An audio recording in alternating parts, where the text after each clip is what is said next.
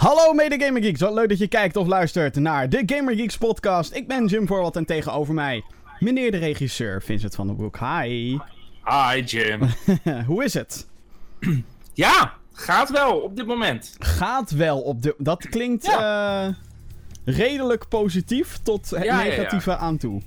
Nou, nee, nee, nee. Ik heb gewoon een hele, hele drukke periode eh, achter de rug. En die eh, zit, als het, eh, als het een beetje mee zit, is die binnen nu en, een, eh, en drie, vier dagen is die helemaal voorbij. Oké. Dus, dus ja, Dus dus het nog gaat in wel de, op dit moment. je zit in de recovery periode. Ik zit echt in een recovery periode. Ja, heet het? Ik heb een, ik heb een evenement georganiseerd. En ehm, ja, daar komt heel veel bij kijken. Heel veel leveranciers waar je contact mee moet hebben. Presentatoren die je knipoog in, moet, eh, in moet wijden. Dus, eh, Subtiel, er komt- er komt, precies, ja. Nee, er komt van alles en nog wat bij kijken bij het organiseren van zo'n evenement. Eh, en een van die dingen, dat is weinig slaap. Ja. Heel erg weinig slaap. Misschien nog minder slaap. En, ehm, Nog ja, minder eh, slaap. nog minder slaap, ja. En, eh, en ja, toch een, een lichte vorm van stress die, daar, die, die er dan bij zit. Problemen van evenemententapijten die er niet waren. Tot kooiconstructies die op parkeerplaatsen lagen die weg moesten. Dus ehm, ja, maar dat is allemaal voorbij. Het evenement is ontzettend eh, groot succes geweest. En eh, nu, zit het, eh, nu is het dus, ja, het gaat wel op dit moment. Ja. Ik voel me positief. Ik kan weer meedoen. Ik kan weer voor Gamer Geeks kan ik weer mijn taken op gaan pakken. Dus eh, ja, leuk dat ik er ben. Ja, mensen. en dit ging allemaal over de Gaming Geeks barbecue. Geintje natuurlijk. Eh, ja, eh, eh, althans, vorig jaar hadden wij een, barbecue met een paar vaste kijkers en wat vrienden van de show, om het maar even zo te noemen. En sindsdien loopt iedereen eigenlijk. Ja, zeuren is een groot woord, maar ze willen gewoon heel graag een tweede editie van de Gaming Geeks barbecue. Die hebben we ook soort van beloofd. Maar wanneer dat allemaal gaat plaatsvinden, dat weten we allemaal nog niet. Zijn we Eh, nog mee bezig. Nee, precies. Eh, mocht je niet weten wat dit is, hallo, dit is de Gamer Geeks podcast, de wekelijkse talkshow van GamerGeeks.nl. Eh, op GamerGeeks.nl maken wij video's over videogames, want daar houden wij van. En in dit programma praten wij vooral heel veel over videogames en alles wat er een beetje aan hangt. En eigenlijk over, over alles praten we. Ja. Ja. Of inderdaad over wat we afgelopen weken allemaal hebben meegemaakt. ja, zoals evenementen organiseren. Zoals naar de bioscoop gaan. En dat Voor soort dingen. spinnenvriend. Ja. ja, laten we daar meteen, laten we het daar inderdaad meteen over hebben voordat we naar het nieuws gaan en naar eh, de mail. Want de, ma- de mailbox staat wagenwijd open. eh eh podcast.gamergeeks.nl, daar kan je al jouw mailtjes op kwijt. Want ehm, ja, nou, het, het- een van mijn favoriete superhelden is terug. Ja. Op, de, ehm, op een aparte manier. Spider-Man Homecoming draait nu in de bioscoop. Als je een beetje de podcast hebt gevolgd de laatste tijd, dan weet je dat ik de laatste tijd een obsessie heb met Spider-Man games. Dat ik al die fucking dingen aan het verzamelen ben. Dus ik ehm, heb deze week ook weer een paar nieuwe Spider-Man games gekocht. En dat heeft dus een reden. En dat is dus die nieuwe film, Spider-Man Homecoming. Is eindelijk in de bioscoop. Ehm, en ik denk dat het ook daarbij belangrijk is om te vermelden dat ik fucking groot Spider-Man fan ben. In de zin van, als klein jochie las ik de stripboeken toen ze nog in Nederland werden uitgebracht. Ik ehm, speelde zoveel mogelijk videogames van Spider-Man. Ik was eh, eh, altijd voor de tv aan het hangen om te hopen dat die Spider-Man cartoon op den duur zou verschijnen. Ehm, en nu is er dus een nieuwe film. De zesde. En De zesde alweer. Ja, echt, Ja, echt niet ja. normaal. De zesde, ja. En, Ja, eh, Spider-Man is, eh, ja, Spider-Man is ook altijd voor mijn ding geweest. Het is ook mijn favoriete, favoriete superheld. Ook ik las altijd eh, de, strip, eh, de stripboeken. Ben die wel gaan kijken na het zien van de, de film uit. Is dat 2001? Was dat 2001 Spider-Man? ik denk 2001, ja. 2001, Ja. 2002, zoiets. Ja, nou, Voor mij ja, was hij nog ik- net ik- uitgesteld of zo, omdat ze een scène eruit ja, moesten met halen. Die, met die Twin Towers. eh, ja, precies. Ja, Klopt. Ja. Maar ik zie die posters zie ik ook gewoon nog voor me. Dat hij aan die, ja, die oranje poster waar die dan zo aan hangt. eh, en dat je dan zo dat, eh, dat oogje. eh, die- of dat, dat je dan de reflectie van de stad in dat oog ziet. ja. Dat was gewoon een hele toffe film, was dat. Nou, daarna kwam er een. mwah, een oké vervolg. Toen kwam er een film waar eigenlijk niemand echt, echt positief over is: Spider-Man 3. Toen Fuck dachten ze, we gaan, de boel, we gaan de boel gaan we rebooten. Nou, toen kwam daar een, uh, met en, en Andrew Garfield heet die, uh, heet Ja. die guy, hè? Ja. Ja, die, nou ja, die, die deed op zich leuk. Vond ik een leuke. Vond Ik vond, hem, ik vond hem een betere Peter Parker slash Spider-Man dan Tobey Maguire, als ik heel eerlijk ben. Ja, en misschien vind ik hem ook wel een betere Peter Parker dan Tom Holland. Maar. eh, Ja, ligt eraan wat voor versie je pakt en dat soort dingen. Maar, ja, wat, Ja, eh, het ik- maar het probleem met die Amazing Spider-Man shit was... Ja. ehm, deel 1 was voor iedereen zoiets van, dit hebben we al gezien. Alleen Ja. dan met de Lizard in plaats van de Green Goblin. Ja. En toen kwam die tweede film Ja. en die vond ik echt verschrikkelijk. Die oh had, nee, vond ik meevallen. Ik- vond, ik, vond ik zelf meevallen. Ik had die. kijk, het probleem met Spider-Man 3 was. De hele reden waarom die shit moest, gereboot moest worden. Is omdat Venom zat erin. Daar heb je natuurlijk Spider-Man, New Goblin en Sandman. Holy fucking shit. En dan werden Ja, daar ja, ook nog eens characters in gepropt. Zoals Gwen Stacy, die ineens uit het niets. Ineens erbij kwam. Dat je denkt: oké, waarom introduceren ze nu Gwen Stacy pas? Terwijl die al lang met Mary Jane heeft in de films, weet je al. Mhm. Dat soort shit was echt een clusterfuck. En de Amazing Spider-Man 2 maakte diezelfde fout. Ah ja, we douwen Rhino erin. Hoppakee, Ja, we douwen Green Goblin erin. Oh hé, hey, we stoppen allemaal referenties van de Sinister Shit 6 eh, st- stoppen we erin. Want dat is Ja. logisch. En volgens mij... Oh ja, en Elec... Oh god, die Electro was zo slecht. Nou, ik vond, dat vond ik wel meevallen. Ik vond, eh, Echt zo ik- slecht. Ja, nee, ik vond, ik vond dat wel meevallen. Ik ben het er wel mee eens dat, eh, dat de Rhino in die film, dat daar wel mijn nekharen van overeind gingen staan. Ja, ja Maar dat dacht ik echt van, eh, echt ook gewoon lomp overdreven Russisch neergezet. Daar kon ik me echt aan, aan storen. Terwijl nee, maar Jamie Foxx dan? Ja, Jamie Foxx Nee, ook. niet. ik ben van Nou, Spider-Man. nee, oh, nu ben ik Electro. nee, nu ben ik- ik evil, bitch.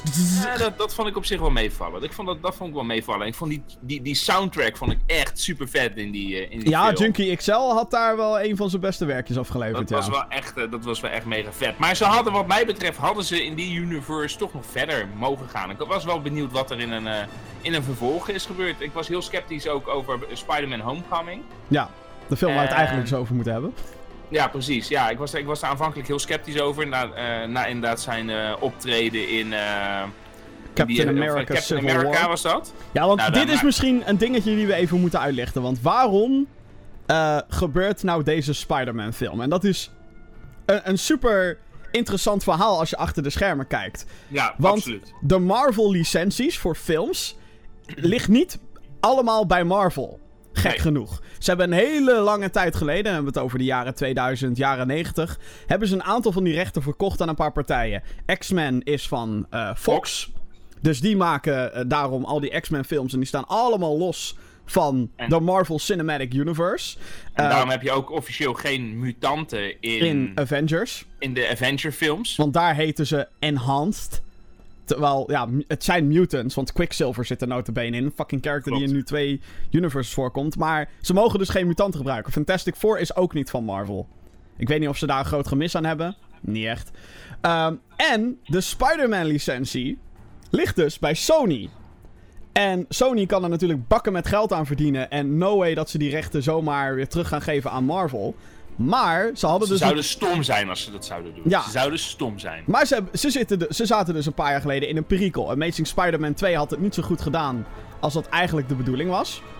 Mhm. En dan is zoiets van, shit, wat, wat moeten we nu? Toen zijn ze dus naar Marvel gegaan. En die twee partijen hebben dus een, nu een soort van deal. Dat Spider-Man wel behoort tot de Cinematic Universe van Marvel. Mhm. Dus dat Marvel mag dan Spider-Man gebruiken in referenties en stock footage. En weet je wel, heeft die acteur natuurlijk voor een aantal contracten eh, Ja. eh, aangesloten. Terwijl Sony dan ook die referenties mag houden. Maar zij behouden dan het merendeel van de money. Maar goed, Marvel Ja. verdient ook een shitload aan money, want Spider-Man. Ja. Dus super interessant. Van what the fuck? Twee corporations die met elkaar samenwerken om hè, het allemaal één geheel te maken. Ja. Wat fucking weird is.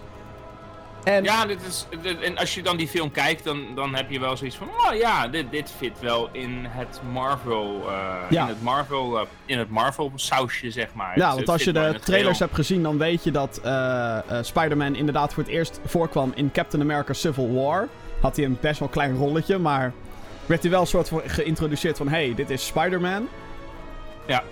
En toen ik de trailers zag van Homecoming, dacht ik... ik vind het aan de ene kant wel cool. Maar ik was ook wel bang dat het weer zo'n halve Avengers film zou worden. Ik, met... ik was bang dat het een halve Iron Man film ging worden. Exact, ja. Want eh, Robert Downey Jr. zegt ook over elke film waarin hij zit, wat geen Iron Man heet, zit hij dan, oh ja, dit is mijn Iron Man 4. Over Civil War zei hij dat en nu zegt hij dat ook weer over deze film.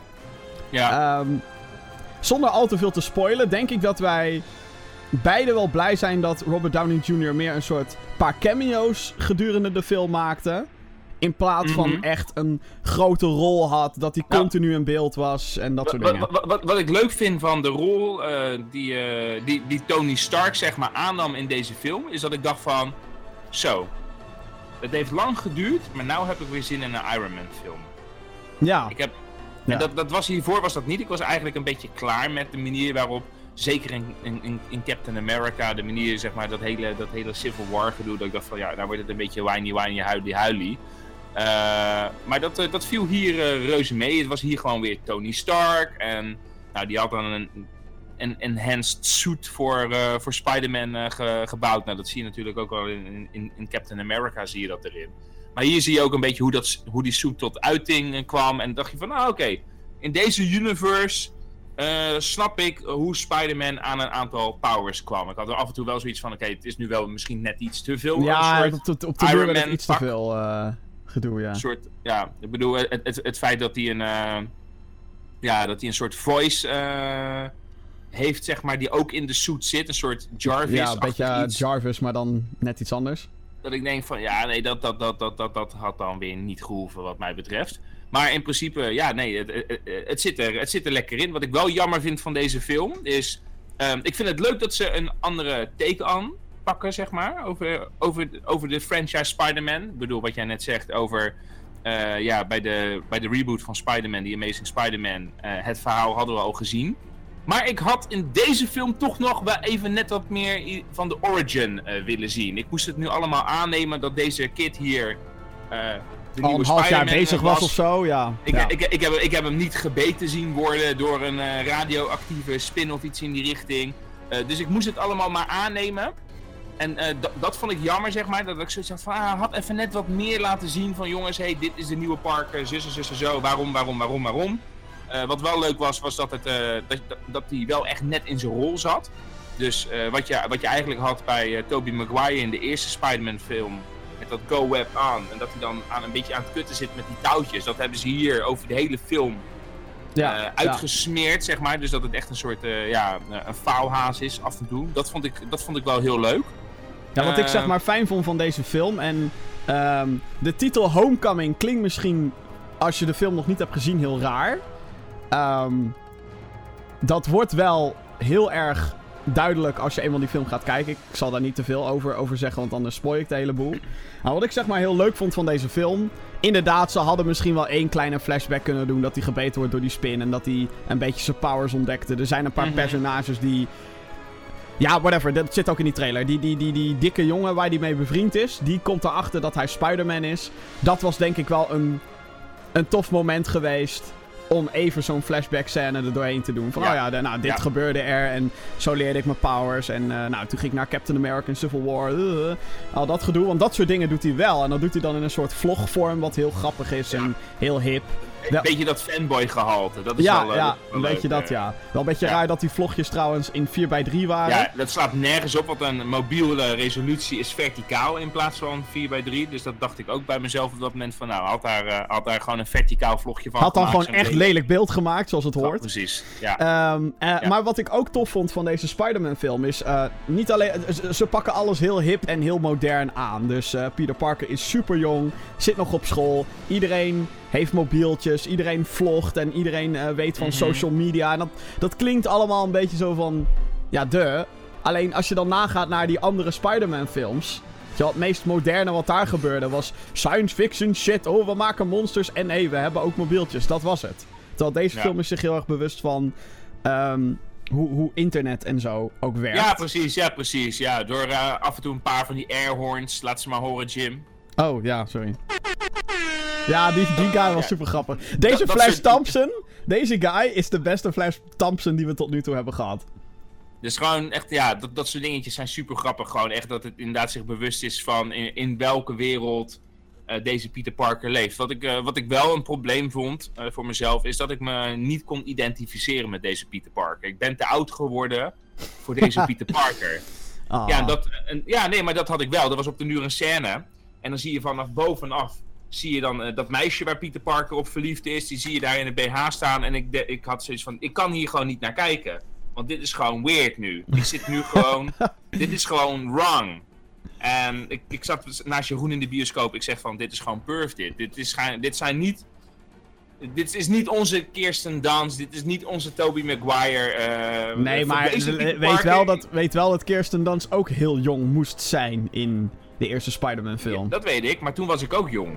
Ja, oké, dat is waar. Ja, dus nu, nu ervaar ik dat, dat ik denk van, oké, eh, ik ben eh, te oud voor deze Peter Parker. Laten we maar gewoon naar de volgende film kijken. Misschien eh, woont hij dan ook op zichzelf of ding. Dat het even net wat, net, net iets meer... Ja, ik denk, ik denk wel dat hij. ik, ik, ik denk dat een van de redenen waarom ze zo'n jonge guy hebben gekozen. is omdat Iron Man is een beetje on its way out. En Robert Downey Jr. heeft al wat, wat hints gedropt van, nou weet je. Eh, ik ga geen Iron Man meer spelen als het echt belachelijk wordt. En hij wordt natuurlijk ook een dagje ouder. En Mhm. hij heeft inmiddels ook al in 80.000 films gespeeld. En straks komt natuurlijk die eh, Avengers Infinity War. Ja. En ik denk dat daar wel wat doden gaan vallen. Als in een paar prominente Avengers gaan daar gewoon de pijp uit, denk ik. dat, en- dat zou heel goed kunnen. Ik denk dat Spider-Man dan wel echt een goede, eh, een goede naam en een goed personage is. Om uiteindelijk dat hij ook ouder wordt. Dat we echt een Mhm. volwassen Peter Parker op de deur te zien gaan krijgen. Dus echt dat, allemaal... zou, dat zou heel fijn zijn. Maar wat ik eh, verder ook nog heel leuk vond van deze film, moet ik denk nog even benadrukken, is dat Spider-Man hier ehm, continu uit zijn element wordt getrokken. Want we hebben Spider-Man natuurlijk allemaal in, in Manhattan zien slingeren. Hè, hoge, grote gebouwen, ja, dat is gewoon... Daar komen zijn powers ook het meeste tot zijn recht natuurlijk, want hij kan rondvliegen, basically vliegen. En dat, dat keert dan verder niet. Maar hier had je vechtscènes in Washington. Ja. Niet, niet in New York. Eh, een vechtscène op een boot, zat in de trailer. Eh, een, een, een scène in zo'n... Nou, normale buurt wil ik het niet noemen, want hey, Amerika. Maar een buurt waar geen hoge flatgebouwen staan. Een, eh, een, en- en een gevecht in de lucht. Want Vulture, gespeeld door Michael Keaton, die ik overigens best dope vond in deze film. Dus ehm ja, ik ben heel erg tevreden. Ik, ik- het, het is niet dat ik eh, juichend en schreeuwend de bios uitging na het zien van deze nee, film. Nee. Maar als Spider-Man-fan had ik wel zoiets van... Ja, dit is wel echt een hele toffe richting. En de, de nieuwheid van Spider-Man zit in het... Dat is er al lang niet meer. We kunnen niet meer... Oh shit, Spider-Man. Dat... Nee, nee, nee, dat is klopt. klaar. Maar dit is, de- de- deze film gaat zich bewijzen straks door zijn vervolg. En door hoe eh, Tom Holland zeg maar, straks eh, zijn eh, rol gaat vertolken in The Avengers. Hoe Tom Holland zijn rol gaat vertolken in een vervolgfilm van Spider-Man. Ja, dat, en daarom is, en deze, deze film is daar een bruggetje naar. En dat is of een brug naar land of een brug in het water. Dus daar moeten we nog achter komen. ja ik, denk, ik denk dat ze wel een goede richting in zijn ge- eh, gedoken. Alleen waar ik, waar ik me dan wel weer aan, aan erger... is dat Sony zelf dan ook weer de greedy kant op gaat... en meteen spin-offs aankondigt. Dat ik denk, fuck off. Fuck off. Hoezo, wat is daar erg aan? Dat is toch... eh. Nou ja, dan gaan ze nu een Venom-film maken... Ja? Met Tom Hardy. Oké, tof. Maar die, die, die gaat dan naar hun zeggen niks met Spider-Man te maken hebben. Dan denk ik, waarom de fuck maak je dan dat, die film? Wat, eh, Venom is Spider-Man. Dat is fucking... Je kan die twee dingen niet van... Het is alsof je Suicide Squad gaat maken zonder Joker. Waarom denk je dat Suicide Squad zo fucking slecht was? Omdat Joker er amper in zat. Zo van, ja, eh, wat moet je zonder die main characters? The ja, fuck? Ja.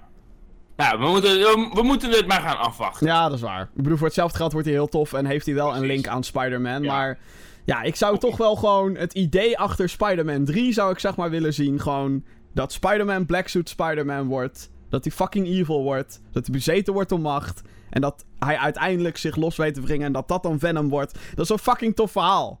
Fucking ga dat een keer goed vertellen. En niet in een spin-off. En ook niet met emo Peter Parker met de haar, het haar voor zijn fucking oogjes. Gekke man. Goed. Wat heb je nog meer meegemaakt, eh, Vincent? Eh, nou, ik heb afgelopen week heb ik eh, eindelijk eh, Doctor Who afgekeken.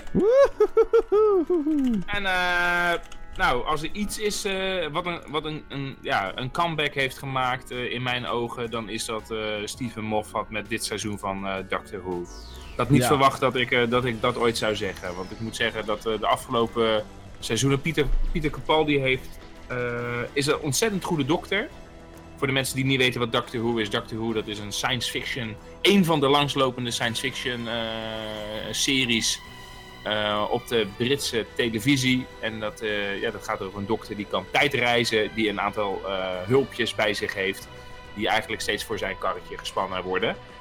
En, in dit, en in dit seizoen ja, heeft Pieter Capaldi echt zijn moment. En dan heb ik zoiets van, nou, het is jammer dat het afgelopen is met Pieter Capaldi. Het is jammer dat hij, dat hij dan binnenkort dan ook echt weggaat. En dat vind ik, eh, dat vind ik jammer. Ik heb zoiets van, nu hebben ze eindelijk bewezen dat hij het kan. En dat hij een leuke rol kan schrijven voor eh, Pieter Capaldi. Maar ook gewoon, ja, Pieter Capaldi is toch wel een van mijn favoriete, favoriete Doctor Who eh, figuren. Ja, ik, nou, ik heb met je meegekeken. Groot Doctor Who-fan ook sinds een paar jaar. Sinds dat jij eigenlijk zei van, je moet echt een keer Doctor Who gaan kijken. Begin bij de, de reboot. En dat raad ik ook iedereen aan. Je moet bij de reboot beginnen. Die Ja. uit 2005 inmiddels, dus daar zijn al tien seizoenen van. Je moet dan wel even de special effects gaan slikken. Van, Je moet, ja, je moet Altijd de eerste, eigenlijk. De, eerste zes afleveringen moet je even doorbijten. ja. De eerste zes, eh, zes afleveringen die zijn echt heel tekenend.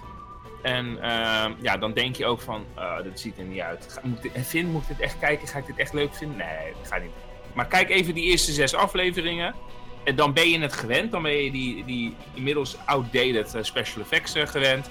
En dan in één keer ga je het verhaal zien en is het van...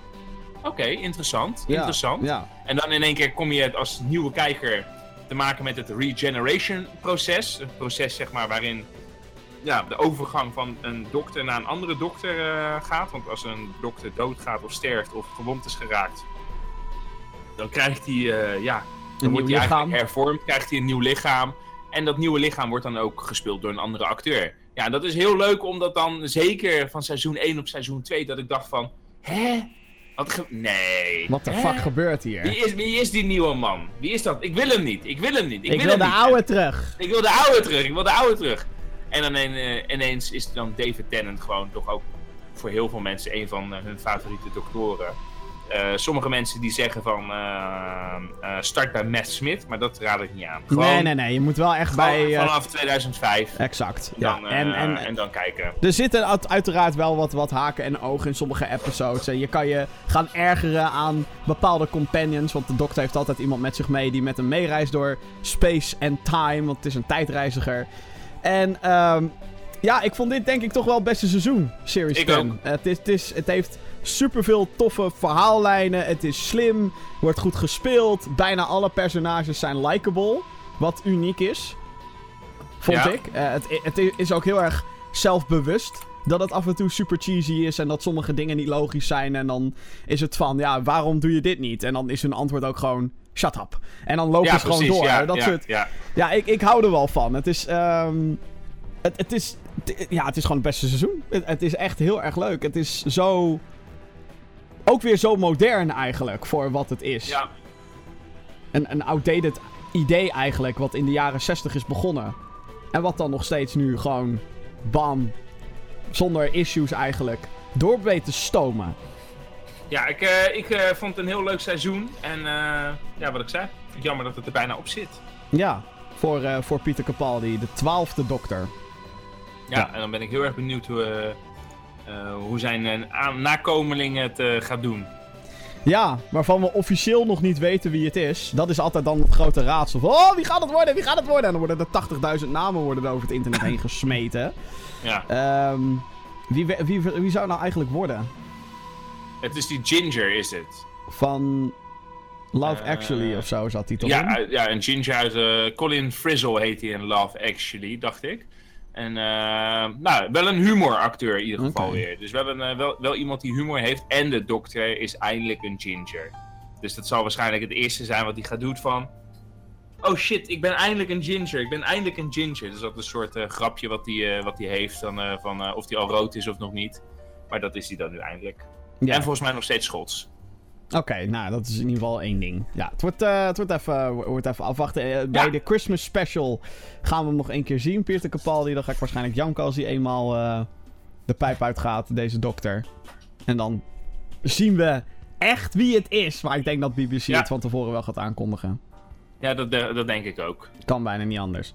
Oké, ander dingetje dan. Ehm, ik heb deze avond ook weer naar een andere serie zitten kijken. Godsamme, gaan ze nou nog meer over series praten?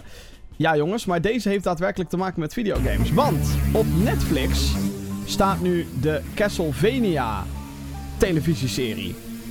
En dat is een best uniek dingetje. Want ehm, ja, je zou denken, oh, dat is weer zo'n live-action 12 episode Mhm. of 10 episode ding zoals eh, ehm, Netflix dat vaker doet. Hè, zoals bijvoorbeeld met die Marvel-series die ook super goed Ja. zijn overigens. Maar nee, dit is een anime. Dus het is een animatieserie van slechts vier episodes. Dus je kan Ja. in één keer kan je die eh, boel uitkijken.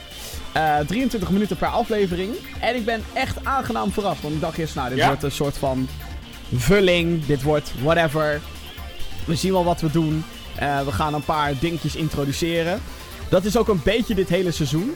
Het is allemaal een beetje... Oké, we introduceren de characters van Castlevania die belangrijk zijn. Dus dan heb je Dracula. En je hebt Ja. eh, Trevor Belmont in dit geval. En Alucard. En een magician waarvan ik nu al de naam niet meer weet.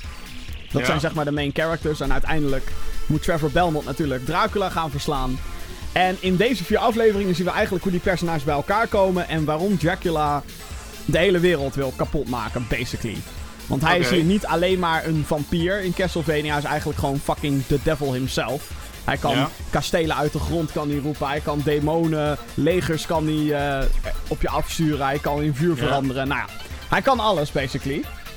En eh, ja, ik vond het eigenlijk wel heel tof dat ze op deze manier die game vertalen. In plaats van dat je een slechte film krijgt of een televisieserie, live action waarvan je misschien denkt, eh, eh. Want wil je dit echt goed realiseren, dan moet je superveel special effects erin douwen. Dat is weer Ja. duur, et cetera, et cetera, et cetera. En heel veel games hebben ook zo'n anime-steltje. Vooral de Ja. DS-titels hebben dan van die animated eh, cutscenes en, en, en box arts en, en de character art en dat soort dingen. Maar verhoudt het zich ook een beetje ten opzichte van de games? Eh, nou, ik moet heel eerlijk zeggen dat ik niet heel erg thuis ben met de lore van Castlevania en dat soort dingen. Nee. Maar van wat ik hier gezien heb, ik vind het wel erg dope. En vooral ook omdat het niet...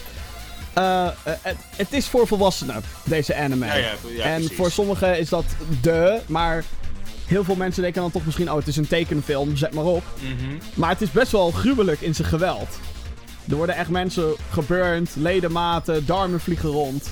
Want ja, er zit ook ja, er zit best wel geweld en er wordt ook in gescholden en dat soort dingen. Dus het is een hele volwassen, geanimeerde vertaling van wat Castlevania waarschijnlijk is. Ja. Dus het is wel, eh, het is wel heel tof. Eh, nogmaals, vier episodes, 23 minuten per stuk. Het eh, duurt niet heel lang. Oké, nou dan ga ik dat ook maar eens kijken. Ja, is, en er is al een tweede seizoen aangekondigd. Dus, Ja, die ehm, krijgt acht afleveringen, zag ik. Oh, Oké, top. Ja, nee, dat is goed. Dat ze ook inderdaad wat meer tijd geven om Ja. daadwerkelijk het verhaal te vertellen. Want seizoen 1 is gewoon echt een intro. Het is echt zo van, oké, dit is Castlevania. En dan kan je bewijzen daarvan zou... Bijna een soort pilot.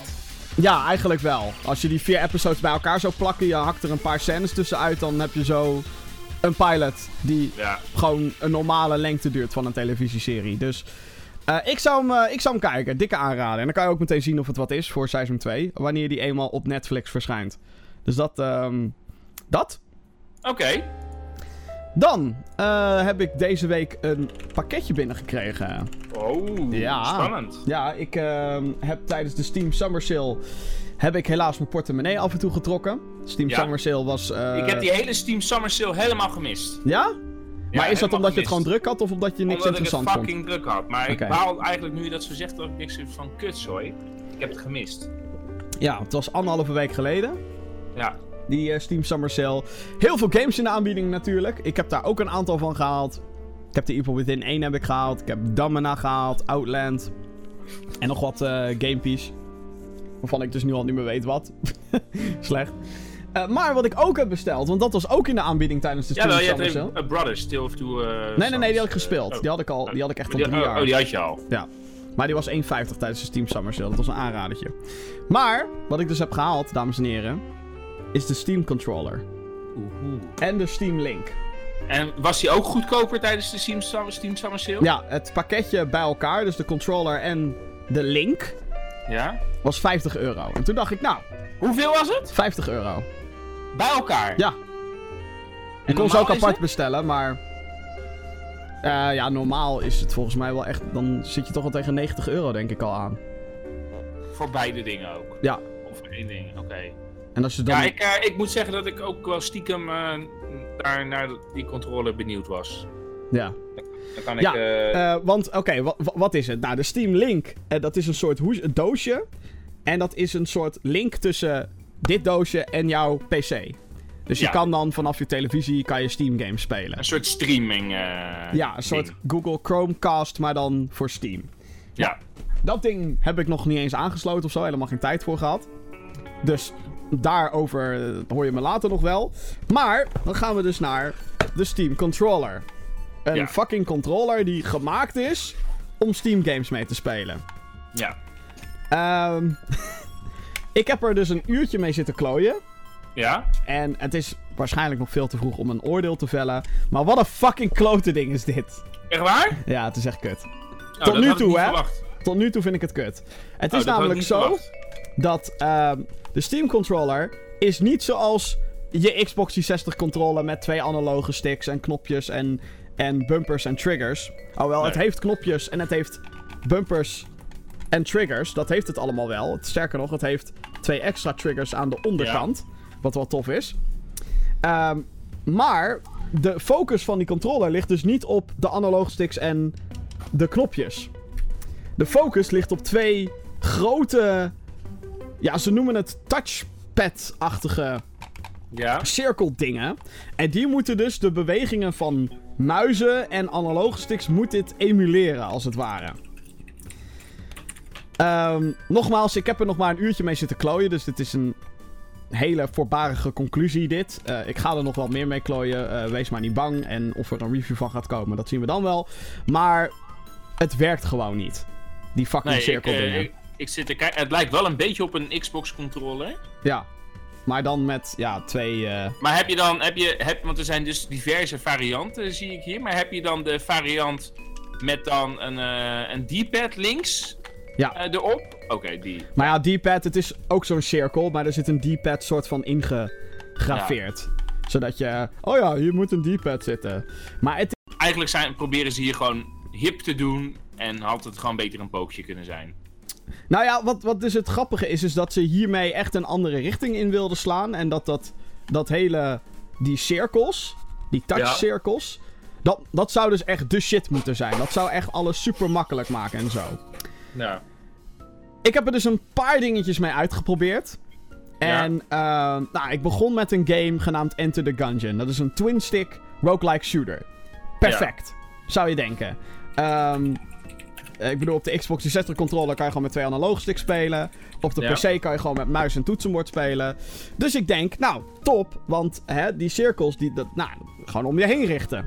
Het Ja. werkte gewoon niet. Ik zat op dat ding te wrijven en te doen en hij wilde nooit de richting inrichten waarin ik soort van zat met mijn duim op dat cirkelding. Dus ik zat van, ja, godverdomme, wat de fuck is dit?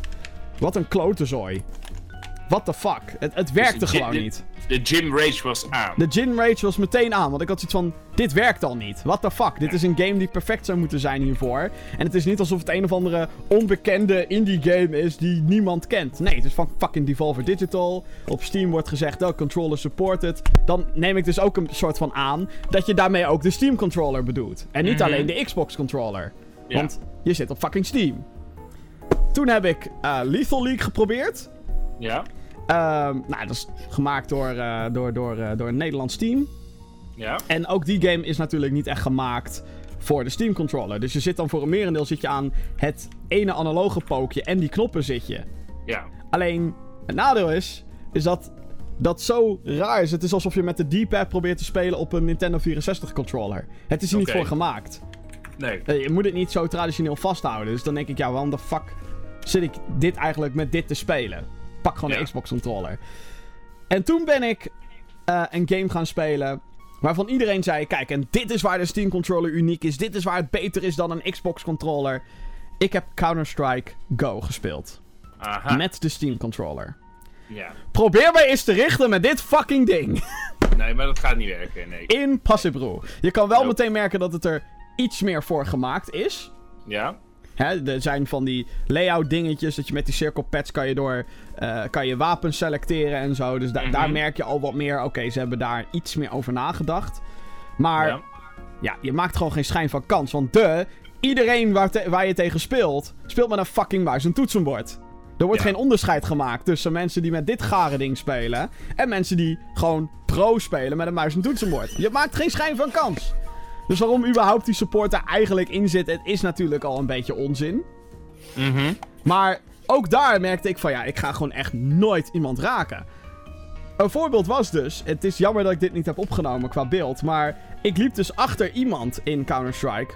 Hij zag mij totaal niet, dus ik had gewoon een kill kunnen maken. Maar het lukte me gewoon niet om met hele subtiele touches om te richten. En dat komt omdat er een soort van nasleep in zit. Er zit een soort van eh, default dan, dat als je met je vinger beweegt, dat hij dan nog even door blijft gaan. Alsof je op ijs loopt.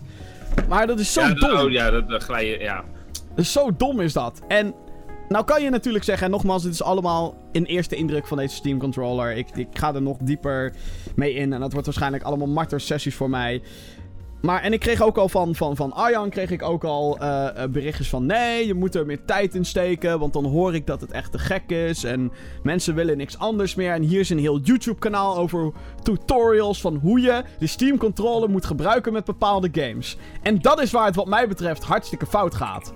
Je koopt zo'n fucking controller voor gemak. Ja, ja, ja, ja. Ja, klopt. Dat moet meteen instant werken. Je moet gewoon bam meteen kunnen spelen. En tuurlijk, niet alle games die gereleased zijn op Steam hebben controller support. Heel veel moet je gewoon met muis en toetsenbord spelen, want dat zijn nou eenmaal PC-games. Maar de games waar dat dan bij staat, dat er een controller gesupport is, ja, dan verwacht ik toch wel dat Mhm. dan de Steam controller. Dat dat dan ook gewoon goed werkt. Zonder dat ik zelf moet gaan lopen kutten met controls hier, config files daar en dat soort shit. Jim, je bent niet de enige hoor. Ik typ gewoon eventjes gewoon review in. En dan, als ik dan al teksten zie staan van... I'm maybe in the minority, but I love my Steam controller. Dat betekent dus dat de majority het niet loft. Eh, de Ja. Steam controller is as likely to frustrate you. Bla bla bla. Dus ik, nou, ik... eh, ja, ik- er zijn toch een aantal mensen die, eh, die het eh, ook met jou mee, eh, mee eens zijn. Ja, en nogmaals, ik heb nog maar een uurtje ermee zitten klooien. Ik ga er nog meer mee klooien. Ook gewoon in combinatie met die Steam Link. Hoe werkt dat dan? En welke games zijn daadwerkelijk leuk om op je televisie te spelen? Heeft het allemaal meerwaarde? Ehm, ga ik daar een video over maken? Ongetwijfeld. Maar eh, Wanneer je tijd hebt. wanneer ik tijd heb, wanneer het af is. Want ik heb al zoveel dingen te doen. Maar, Maar het heeft in ieder geval, het was geen liefde op het eerste gezicht. Nee, zeker niet. Nee, wel, wel, wel als je dan het doosje ziet, weet je wel. Het is super strak allemaal. Ja. En eh, hè, dan krijg je toch dat ding. En verder, kijk, het, het design is heel uniek. Want de Steam controller is zeg maar iemand die zijn buik inhoudt. Snap je? Dat je een soort van golfbeweging naar binnen hebt. Terwijl Ja. de meeste controllers puilen natuurlijk uit met hun knoppen en analoge sticks. Ja. En dat is bij de Steam controller is dat anders. Met uitzondering van het daadwerkelijke analoge pookje wat erop zit. Ja, En het, als je het beet hebt, voelt het op zich wel fijn. ja. Ik bedoel, je hebt zes triggers, daar kan je allemaal makkelijk bij. Die circle pads kan je ook allemaal makkelijk bij. Maar, maar als je hem in je hand hebt, Ja. is het dan van... Ja, weet je, ik had liever nu een PlayStation controller of een Xbox controller of een eh, Nintendo is- Pro controller eh, in je hand. Of is het van, oh, er is hier echt over nagedacht. Nou, en, en, en dat is dus een beetje waar, waar ik mee zit. Want terwijl ik die games zat te spelen met deze Steam controller. En nogmaals, het was heel kort. Hè, Mhm. Maar terwijl ik dat aan het doen was, had ik zoiets van: ja, ik heb hier een Xbox controller liggen. Ja, En gamers die al zo ver zijn dat ze op PC zeg maar een controller halen, die gaan dan ook gewoon Xbox voor een. Xbox controller. Die gaan, bedoel, weet je wel, als je casual en relaxed wilt zijn, dan, dan neem je iets wat al standaard Ja, is. dat klopt. Ja, dat klopt. Ik En- heb ook een Xbox controller voor mijn, eh, voor mijn PC. En dan ga je niet ineens rare gimmicks bedenken, zoals zo'n touch circle pad of zo. Nee, En nogmaals, misschien als ik er eenmaal gewend aan ben. En als ik er een paar uur mee gespeeld heb. Misschien is het dan iets wat ik niet meer anders wil. Maar ehm, ik denk dat je als gemaksproduct. Want dat is wat de Steam Controller uiteindelijk moet zijn. mhm. Dat je wel een beetje faalt als je eerste indruk. Dat is wat ik nu zeg. ja. Want verder, hè, ik bedoel, je plugt zo'n dongeltje plug je in je PC in. Je start Steam op en. Oh hé, hey, er is een controller. Ik update even de firmware, hoppakee, hij werkt. Dus daar is Ja. zeg maar verder niks mis mee. Het is alleen. Speelt het daadwerkelijk? Ja, Tot nu toe nog niet. Maar dat is een beetje. ehm, kunnen we een beetje in het midden laten, denk ik. Want nogmaals, kort gespeeld. Weet het verder ook niet. Eh, dat. oké. Dus verwacht er binnenkort meer van. Ik ga ook kijken of ik dan die Steam Link een keertje kan uitproberen. Ehm, Ja. Dan nog heel kort. Ik heb ook nog de Little Nightmares DLC gespeeld.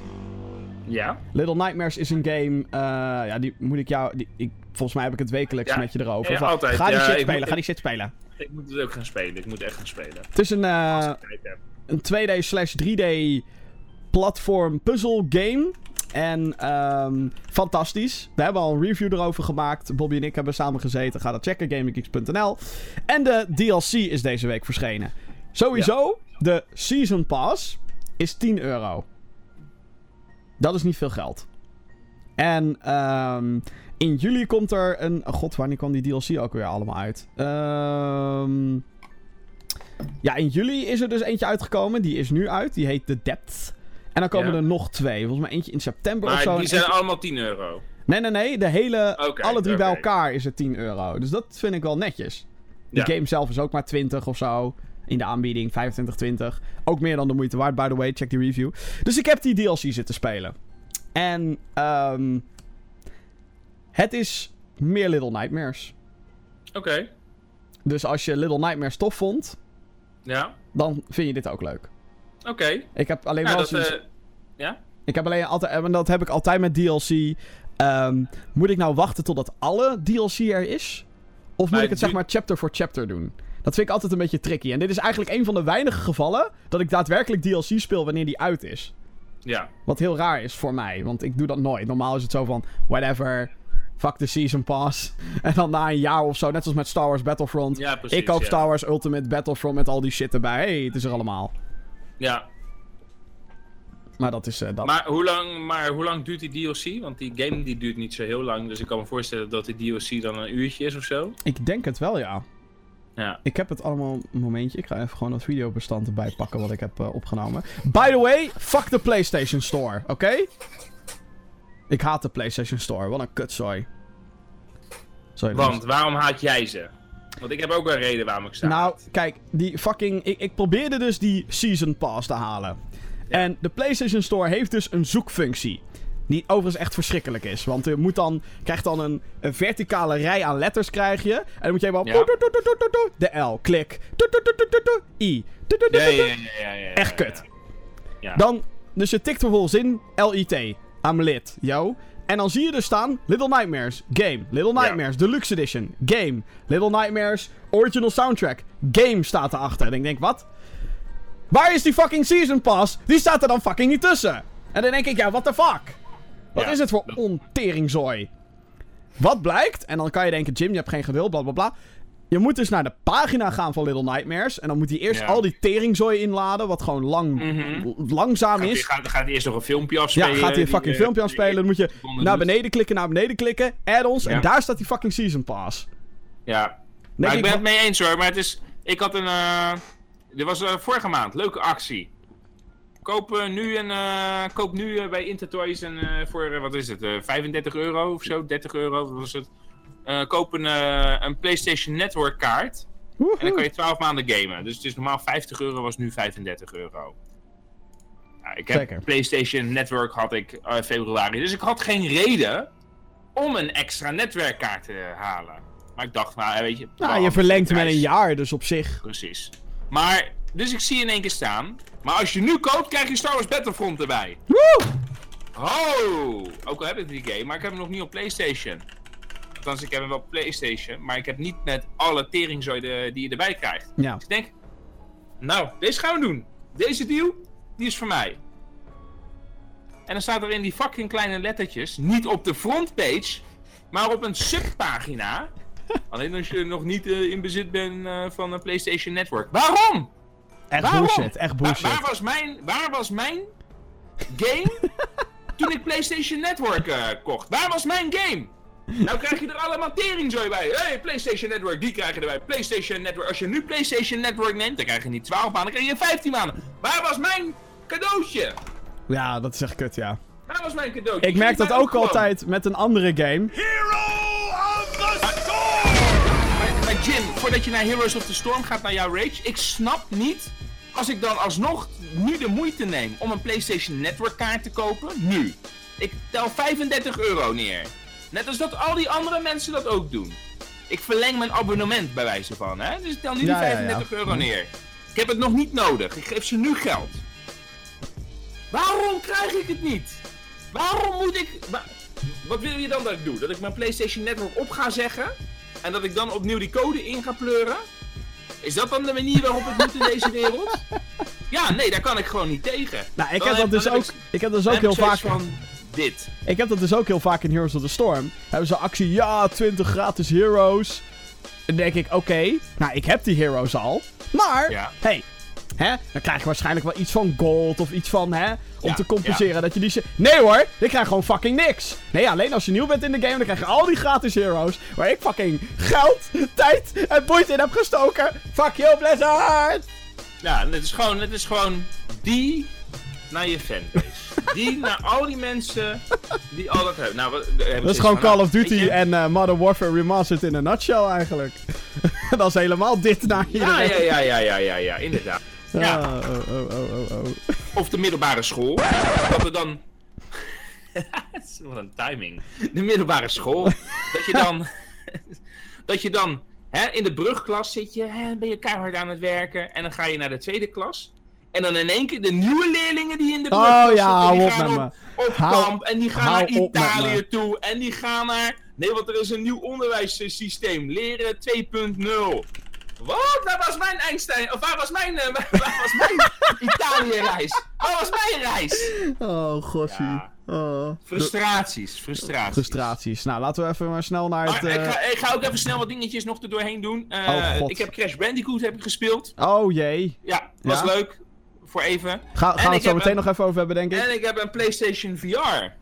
Oh! Ja, dat is nog, Oh, officieel is dat nog niet eh, bij Gaming Geek zo naar de buitenwereld eh, gebracht. Eh, Ja, mensen, ik heb eh, het daar ook volgen. even eh, kort over gehad. Volgens mij vorige week toen ik voor het eerst een half uur lang mensen eh, Ja, bij ja. Farpoint mocht spelen. En dat ik toch Ja. best wel, ehm, ja, best wel amazed was van, oh ja, shit, dit is the future. Het Yep. is echt dat je denkt, eh, the future of gaming. VR. Ja. Dan weet je dat idee. Maar ehm, eh, overigens gaan wij binnenkort, ik weet nog niet wanneer, hebben wij een, een, een gast in de Gamer Geeks podcast. Ja. Namelijk iemand eh, die een eh eh, Native VR gaat een keer bij Ah, ons aanschuiven. ja. Die heeft een, een fucking kanaal waarin hij weet ik hoeveel VR-games. Hij speelt volgens mij bijna alleen maar VR-games. Mhm. En heel veel Rocket League volgens mij. Ehm, en die weet er echt alles vanaf. Dus het lijkt me sowieso leuk om daar een keer uitgebreid mee te gaan zitten. Van, goh, VR, hoe zit dat nou? Want ik ben daar best noob in. Maar jij hebt er eentje gehaald. Ik heb er eentje Op gehaald. PlayStation VR. Ja, en ik eh, ga hem niet op marktplaats zetten. Dus. eh Fuck jullie allemaal. Ja, ja, nee, precies. Inderdaad. Ik bedoel, je, dus op, op marktplaats loopt het als zoete broodjes over de, over de toonbank. What? No money? Hier! Hier, lekker goedkoop. Eh, maar ik heb hem gewoon nieuw gehaald. Ik heb in een bol.com deal heb ik hem gehaald. En ik kreeg, als ik nu de PlayStation VR kocht, eh, voor tering veel geld. Maar dan kreeg, hoefde ik niet mijn... eh, dan, dan kreeg ik Farpoint kreeg ik erbij. En ik kreeg zo'n richtcontrole kreeg ik erbij. En ik kreeg een PlayStation camera 2.0 kreeg ik erbij. Ja. Dus ik dacht van, weet je, laten we het maar gewoon doen. Laten we het maar gewoon doen. Want jij bent wel echt geobsedeerd met het hele VR-verhaal. Ja, ik ben, er, ik ben er geobsedeerd door, doordat ik het eigenlijk gewoon een fucking freaky technologie vind. En, ehm, en dan, heb ik het, dan heb ik zoiets van, dan moet ik er eigenlijk eh, dicht op zitten. Kijk, ik vind het VR, ik vind het heel interessant. Maar ik vind het heel gevaarlijk dat Mark Zuckerberg eh de Oculus... eh, ja, dat die... dat die, dat die, die, ja, dat die die techniek, zeg maar, in zijn klauwen heeft. En dat ik dan denk van, oké, ik kan er nu maar gewoon beter dicht op gaan zitten en zoveel mogelijk informatie vergaren. Ook voor mijn eigen medium dan, film. Dat ik denk van, nou, interessant, waar gaan we heen? Wat kunnen we gaan doen? wij Ehm, moeten maar trouwens is- echt die Spider-Man Homecoming VR-ding moeten wij gaan spelen. Een Spider-Man Homecoming VR-ding. Ja, er is een soort VR-experience, eh, klein eh, game, gratis.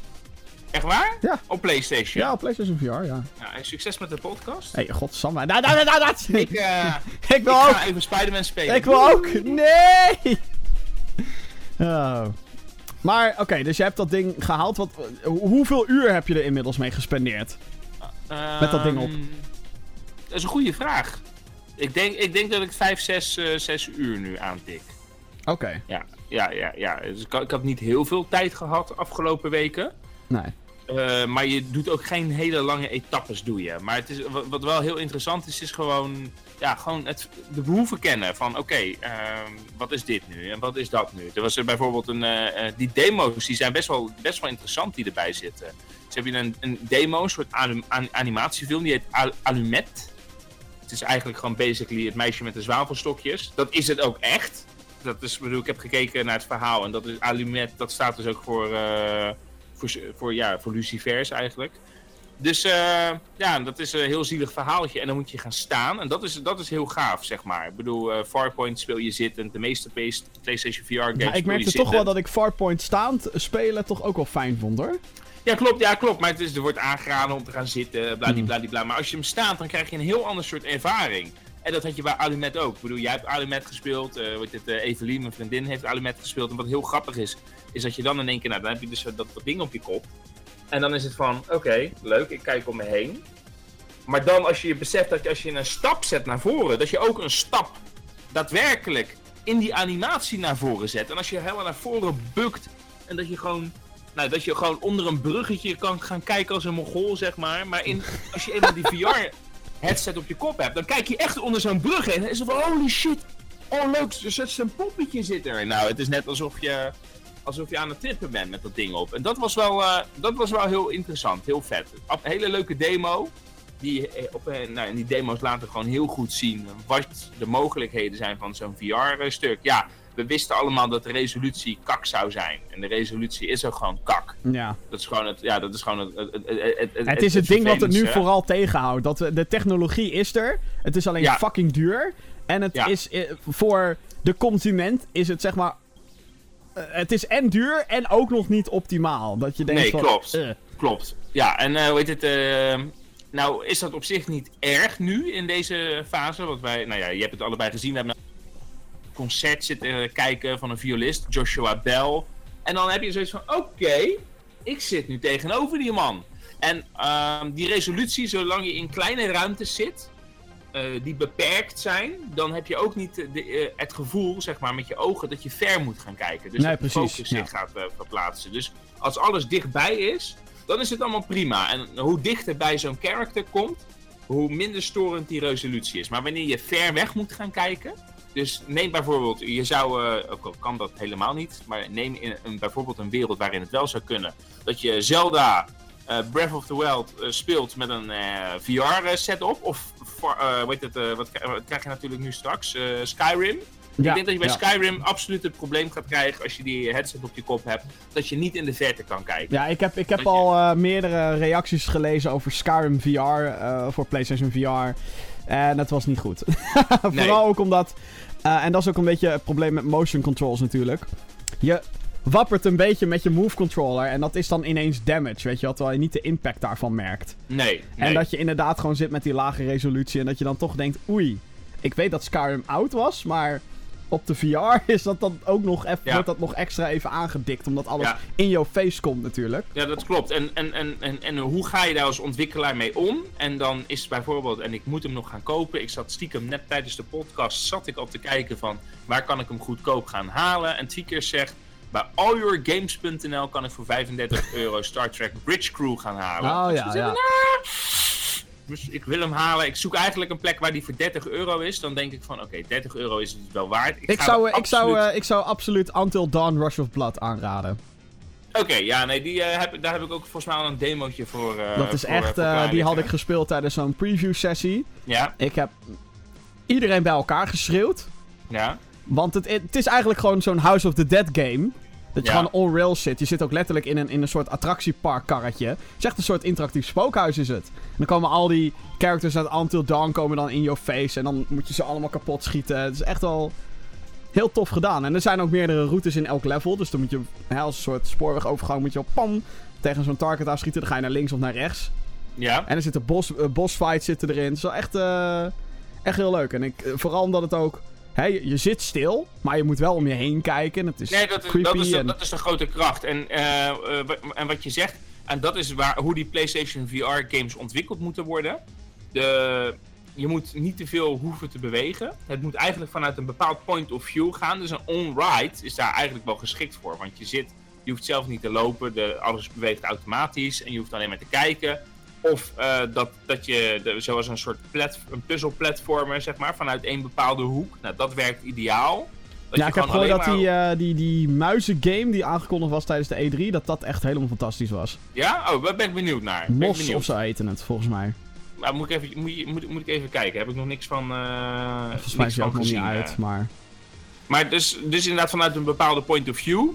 Maar dat ook dus de resolutie, dus dat de textures of de stijl, de artstijl van de. Ja, eh, ook een, ja, dat er een bepaalde. dat dat, dat op, daarop aangepast is. Want dan stoor je je niet aan de resolutie. Zo'n game Ja, als. Skyrim, die probeert natuurlijk hyperrealistisch te zijn.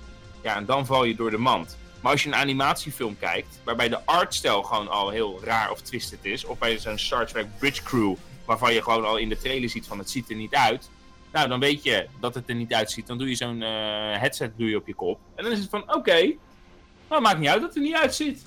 Ik eh, vind het wel leuk dit. Ik vind het wel leuk. En dan werkt, eh, dan werkt VR. Ja, je moet eigenlijk een soort van weer teruggaan naar de oude ontwikkeltijd. Waarin mensen met beperkte resources toch Klopt. een wereld voor elkaar moesten krijgen. en, klopt. en hoe doe je dat met technische snufjes en met allemaal visuele trucjes en dat soort dingen.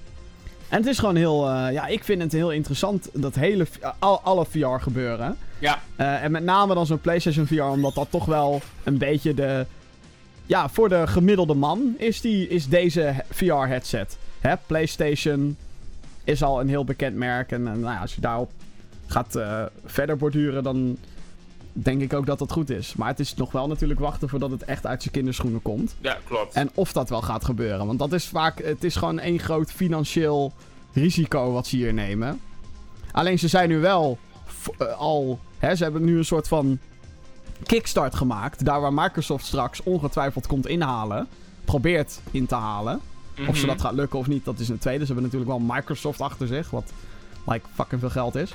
Ehm, en ja, Nintendo gaat zoiets natuurlijk nooit proberen, denk ik. Althans, niet meer. Maar dat moeten we nog maar zien in hoeverre het standaard wordt. Ja, Eh, ik denk dat ik, ik, het heeft nog een hele lange weg te gaan. Ja, zeker. Ja. En dat, ik, ik dacht eigenlijk dat het storm zou lopen. Ik had echt verwacht dat eh, afgelopen, eh, afgelopen oktober, want jij en ik zaten natuurlijk ook nog te brainstormen van hoe vet zou het zijn om nu al een, eh, een, eh, een televisieserie in VR eh, te produceren vanuit de camerahoek en dat soort dingen. Ja. Maar je, je, je kan er heel veel mee. Maar het publiek is daar nog absoluut niet klaar voor. Ik bedoel, Nee. het publiek heeft nog geen 4K-tv's. Het publiek, Nee. ja, dus, dus nee, we zijn er nog niet klaar voor als, als, als, als massa. En ja, het is toch ja, probeer een beetje de kat uit de boom te kijken daarin. Ik zie Ja. ook niet heel veel eh, jonge kinderen of zo nu al naar de winkels rennen voor een PlayStation VR. Ik heb Nee, maar je het moet een dat ook helemaal niet willen, joh. Nee, nee, maar ik bedoel, ik heb, ik heb de indruk dat het ook echt op ons gemarket wordt. En dat het echt eh, ja, de, de, de 25, 35-jarige man, dat die, eh, dat die dit in huis gaan halen. En daarboven en daaronder. Dus het is, een heel, heel, het is echt een niche nog. Het is echt een niche Ja, nog. ja het, is, het, is, het, het probleem nu met VR, voor, voor mij dan, althans wat ik zie, is dat het een niche van een niche is. En dat is waar, waar het heel erg risicovol is. En nogmaals, eh, dat komt ook onder andere door prijs en, en beschikbaarheid en content en dat soort dingen. Dus, Ja, PlayStation VR, stay tuned. Voor het weet staan er ineens VR-video's online. Je weet het niet. dat gaat, dat gaat wel gebeuren. Ja, niet per definitie in VR, Nee, nee, maar nee, wel nee. over VR. Ja, dat je mij als een achterlijke mongool met zo'n headsetje op mijn kop ziet eh, en dat je dan vervolgens de gameplay ziet. En een Jim eh, schrik compilatie van Until Dawn Rush of Blood. Ja, of een Jim troll compilatie bij mij op de achtergrond. Dat. Of een eh, Tekken 7 VR compilatie, want Ja. for some reason is Tekken 7 in VR. Geen idee waarom. Maar is er nog nieuws, Jim, deze Zeker. week? Eh, laten we even naar nieuws inderdaad gaan. De Summer Games Done Quick is deze week gehouden. Het is een eh, speedrun marathon waarin weet ik hoeveel games achter elkaar zo snel mogelijk worden uitgespeeld. Nou, als je dat eenmaal te zien krijgt, dan denk je, wat de fuck doen ze met die spellen? Hoe de fuck doe je dit? En, en soms, wat wel grappig is, is dat je heel vaak in die speedruns leert over hoe een game geprogrammeerd is. Van, oh ja, hier zit een Mhm. invincible trigger, dus dan gebeurt dit. En dat willen we vermijden, want we willen zo snel mogelijk... Nou, dat soort dingen krijg je allemaal. Eh, wordt, eh, elk jaar wordt het twee keer gehouden. Onder de noemer Awesome Games Done Quick. Dat is altijd in januari. En Summer Games Done Quick. In dit geval was, eh, eh, was het om geld op te halen voor Artsen zonder Grenzen. En dat eh, is goed gelukt. Eh 1,7 miljoen dollar is er opgehaald. Netjes. Dat is heel mooi. En nou, ik heb ook al een paar keer gekeken deze week. Was echt ontzettend vet. Op YouTube kan je al die speedruns kan je terugvinden. Dus dat. Aanradertje. Zeker als je games tegenkomt die je zelf ook al een keer hebt uitgespeeld. Dat je dan kijkt. Oké. Hoe, kan, hoe kan het nog meer? Ja, hoe kan het nog erger? En, en hoe broken zijn sommige games? Dat is wel grappig. Five Nights at Freddy's 6. Vincent's favoriete franchise natuurlijk. Die eh, was in ontwikkeling. Door eh, Scott Cawthon, de enige guy achter dat hele Five Nights at Freddy gebeuren. Ehm, en ehm, ja, hij heeft zijn nieuwe game geannuleerd. Er komt geen Five Nights at Freddy's 6 voorlopig. Volgens de, volgens de vent is het omdat het te hoge verwachtingen zou hebben. Ehm, dus dat. Er komt nog wel een film aan van Ja, Five ik wil Nights at zeggen, Freddy's. hoe staat het daarmee? Ja, die is nog steeds in ontwikkeling.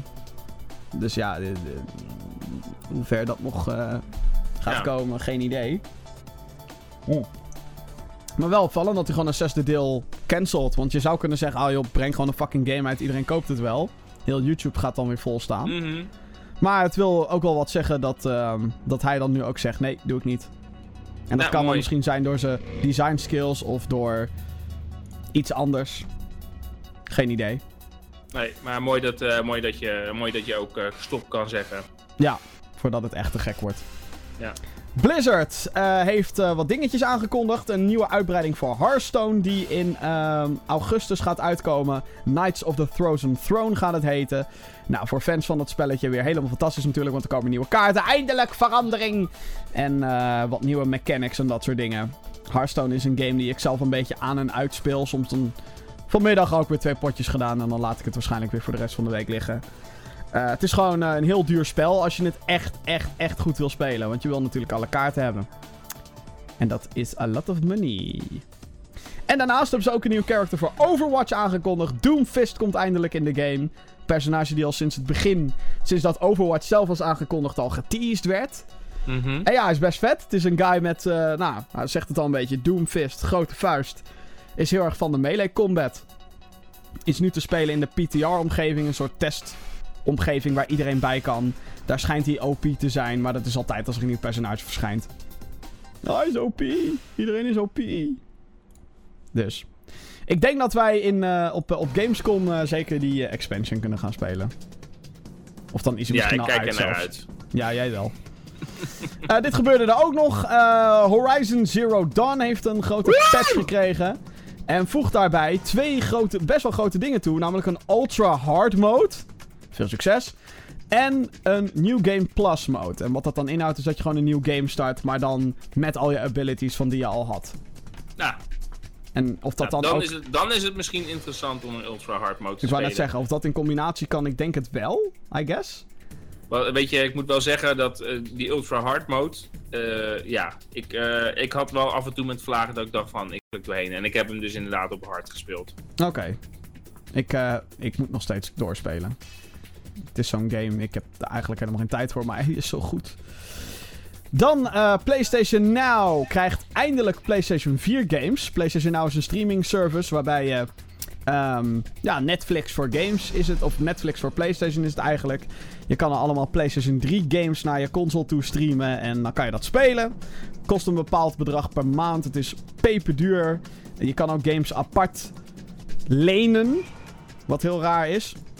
Maar ehm, nu komen daar dus PlayStation 4 games bij. Dat werd tijd ook. Want mensen hadden Ja. zoiets van, ja, wat de fuck is nou het nut van deze fucking service? Het is een soort van excuus om... Oh, kijk, we hebben PlayStation 3 op PlayStation 4, maar dan via streaming. Yeah. Ik heb het nog nooit geprobeerd. Dat hele PlayStation nou niet. Nee, ik wil, ik wil hem nog een keer gaan. eh, ik wil hem nog een keer gaan proberen. Maar dan dat ik dan zeg maar echt gewoon een week. Want je kan het volgens mij een week uittesten of zo. 30 dagen volgens mij zelf. Nou ja, nou, dat, dat ik dan eventjes een week uitzoek. Dat ik eh, dan non-stop achter elkaar al die games ga spelen die ik altijd al had, een keer had willen spelen. Ja, ik moet wel zeggen dat de selectie voor PlayStation 4 titels niet echt eh, indrukwekkend is. Nee, maar is, bijvoorbeeld de game Catherine had ik, zou ik wel een keer willen spelen. Ah ja, Daar heb ik best wel PS3, ja. positieve verhalen over gehoord. Eh, maar eh, voor de mensen die eh, nog niet hebben, weet het, The Last of Us zat er ook tussen. Dus er zitten best wel wat, zitten best goed, wel wat interessante titels tussen. hebt, jij hebt de remaster liggen voor Ja, P- tuurlijk. PS4. Ik ga niet, daar ga ik PlayStation Now voor doen. Nee, precies. Want de kwaliteit gaat ook nog eens naar beneden, want je bent nou Mhm. eenmaal aan het streamen. Ik zit even te kijken welke, welke games er nou voor PlayStation 4 bij kwamen. Oh, hier. Even kijken hoor, ik heb hier een lijstje. Killzone Shadowfall is dan een van de meest prominente titels. Tearaway Unfolded, joepie. Eh, Evolve, dames en heren. Want die spelen we nog. mee. Heavy mee. Rain, Die is wel leuk. eh, Alienation was op PlayStation Plus. Eh, Ja, dat is ook Ja. raar inderdaad. Ja, Nou, ik hoor het alweer. Eh, Tamelijk kansloos. het is echt, het is best, ja, het, het is niet zo dat dit allemaal slechte games zijn. Ik bedoel, Ultra Street Fighter 4, weet je wel, eh, Sherlock Holmes, een, eh, een eh, Grim Fandango Remastered, eh, F1 2015, what the fuck, Resogun. Het, het, het is niet allemaal super slecht of zo, maar het is niet dat ik nou zeg, nou jongens, jezus, subscribe. Nu moet je het gaan halen. Ja.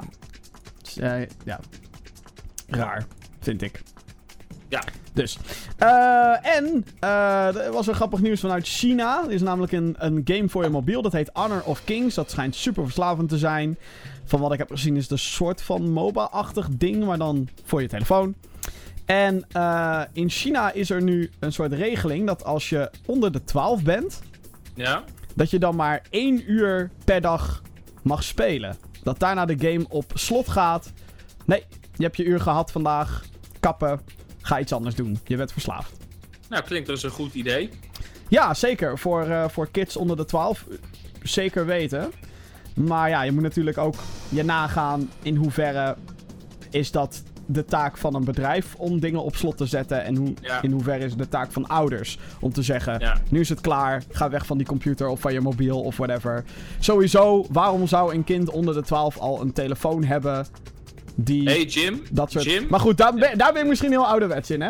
Eh, Ik bedoel, eh, de meeste 12-jarigen hebben tegenwoordig allemaal al een telefoon. Die hebben gewoon fucking al- dikke iPhone allemaal. 7. Ja. Ze hebben allemaal Pokémon Go ook gespeeld. Dus, Dat is waar, ehm, ja.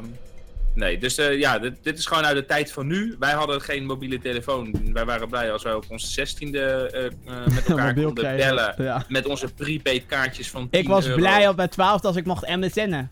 Ja, precies. Dus eh, ja, nee, dat zijn nieuwe tijden. Eh, wat misschien wel leuk is om erbij te vertellen is dat eh Honor of Kings ook in september naar Europa komt. Oh, oké. Dus dan kunnen we zelf kijken waar deze Zo, hype dan kunnen, nou we, dan kunnen we maakt. zelf inderdaad kijken wat en waarom. Ja.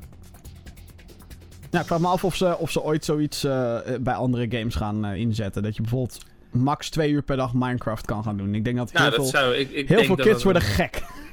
Ja, dat dan. denk ik ook. Maar ik denk wel dat. eh, ik bedoel, als je ouders niet en dat je dan als. Wat, dat zou op zich interessant zijn. Dat je zeg maar dus een. Dat, dat hij op slot zit. Mhm. Dat hij een uur uitgaat, zeg maar, of na een uur uitgaat. En dat je dan als ouder zijnde, als betalende of wat dan ook. Dat dan moet die lokken. Snap Ja. je wat ik bedoel? Ja. Dus dan ben, je, dan ben je als parent ben je ook meteen op de hoogte van wat speelt mijn kind, wat doet mijn kind. Eh, en hoe lang mag mijn kind dat spelen? Dus eh, hè, hetzelfde als wat je straks wil gaan doen met orgaandonor. Iedereen is donor totdat je zegt ik ben geen donor. Dus iedereen Of wat eh, helemaal maar- erg zou zijn. En dit is echt gewoon waar, waar... Ik bedoel, dan komt er een shitstorm. Maar ik weet zeker dat iemand het gaat proberen. Oh, hey, ehm, je hebt nu een uur gespeeld vandaag. Je game gaat Ja. nu op slot. Behalve als je 5 euro geeft. Nee, dat kan echt niet. Nee. Oh, ja, nee, ja, het zou zomaar kunnen, weet je. Eigenlijk is dat wat er gebeurt bij World of Warcraft, toch?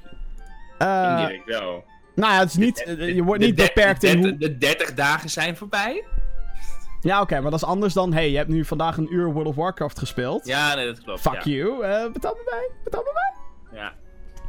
Dat dat het net een Want, soort want dat is een abonnement, weet je wel. Je betaalt voor 30 dagen en dat gaat dan op dat moment gewoon in. En als je dan niet speelt, ja, pech. dat zijn je 30 dagen, vriend. Dat je straks accijns moet gaan betalen over videogames. Overigens vraag ik me wel wanneer fucking World of Warcraft nou een keertje zegt... Jongens, we gaan die prijs van die abonnementsdienst een keer omlaag doen. Of we gaan free-to-play. Want als dat gebeurt, shitstorm, jongens. Ja? Ja, ja, ik denk echt dat die servers dan... Dan ga ik het ook proberen. Dan eh, heb ik zoiets van, eh, prima. Ik heb gewoon namelijk... Ik vind het namelijk zelf niet waard om... ehm, eh, van tevoren al te bepalen... Oké, ik ga en een game halen... En ik ga dan ook nog eens geld erin steken om... Om te kunnen blijven spelen. Want dan wordt het een soort van verplichting die je dan aangaat. Ja, klopt. Ja. En ja, goed, je zou kunnen zeggen, Jim, jij spendeert maandelijks geld aan Heroes of the Storm. Dat klopt. Maar daar kies ik dan zelf voor, nadat ik al heb gespeeld. Ja. Als het ware. En als ik dan een, een, een, character heel tof vind, nou, eh, steek ik geld in of ik betaal in-game, whatever. We weten allemaal hoe dat zit met Heroes of the Storm. Eh, de mail! podcast.gamergeeks.nl. Daar kan jij eh, naartoe mailen als je vragen hebt of kwesties die je behandeld wil hebben in de show. Allereerst een mailtje van Wilco van den Berg. Hallo Wilco. Wat Hey jullie Wilco. van de Minecraft Get Together update? En daar staat een smiley bij, dus ik weet niet in hoeverre... Is dat die cross-platform? Dat denk ik wel. Eh, ja. Ja, dat vind ik gewoon to- top. Better Together update announced. Ja, oké. Dus wat dit, wat dit inhoudt is dat Minecraft gaat cross-platform. En dat betekent dus dat als jij Minecraft op je mobiel hebt, op je Windows 10 of op eh, eh, je Xbox One, of, en dat was een soort van het grote nieuws, op de Nintendo Switch, dan kunnen die dus met elkaar communiceren en servers delen en of nou ja, werelden delen en met elkaar spelen en dat soort shit. Dat is fucking gaaf. Nee, dat is super tof. Eh, het enige nadeel is, is dat Sony heeft gezegd: nee, wij doen hier niet aan mee. Dus als je Minecraft op de PlayStation 4 speelt, dan ben je een beetje forever alone. Eh, nou, forever alone, je hebt natuurlijk je PlayStation community, maar daar blijft het dan ook bij. Ja. Eh, er was nogal wat, wat brouhaha over, want oh, Sony wil dit niet. Ook Rocket League trouwens. Rocket League gaat cross-platform tussen Nintendo Switch, Xbox en PC. Oké. Ook niet met PlayStation. En je zou kunnen zeggen, PlayStation zijn nu klootzakken. Klopt, een beetje. Maar het probleem is, is dat als jij eh, cross met Minecraft, we even alleen bij Minecraft houden voor nu. Als jij Mhm. cross-platform wil spelen Minecraft, dan moet jij inloggen op je Xbox Live account. Dus ook op je Switch moet je inloggen op je Xbox Live account. Althans, dat is wat ik heb gehoord. Ik heb zelf Minecraft niet voor de Switch. Ehm, en ik snap dat Sony daar een probleem mee zou hebben. Dat je moet inloggen op de online dienst van de directe concurrent. Dat is awkward. Het is net zo awkward als wanneer Apple praat over dat de nieuwe iTunes ook naar Windows komt. Weet je wel, dat, dat, dat proberen ze toch altijd een beetje te, te, te ondermijnen. Want alles is Apple.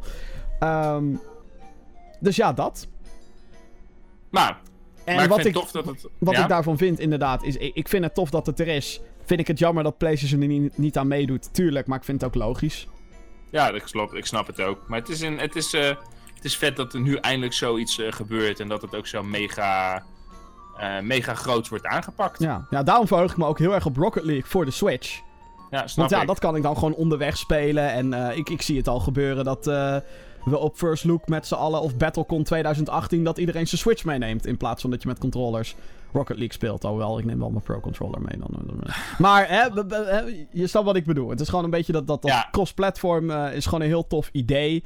Mits het natuurlijk bij de juiste games gebeurt. En Minecraft, nou ja, is perfect denk ik voor elk platform, ongeacht waar je op zit. Als je dat met elkaar kan spelen. Rocket League is prima.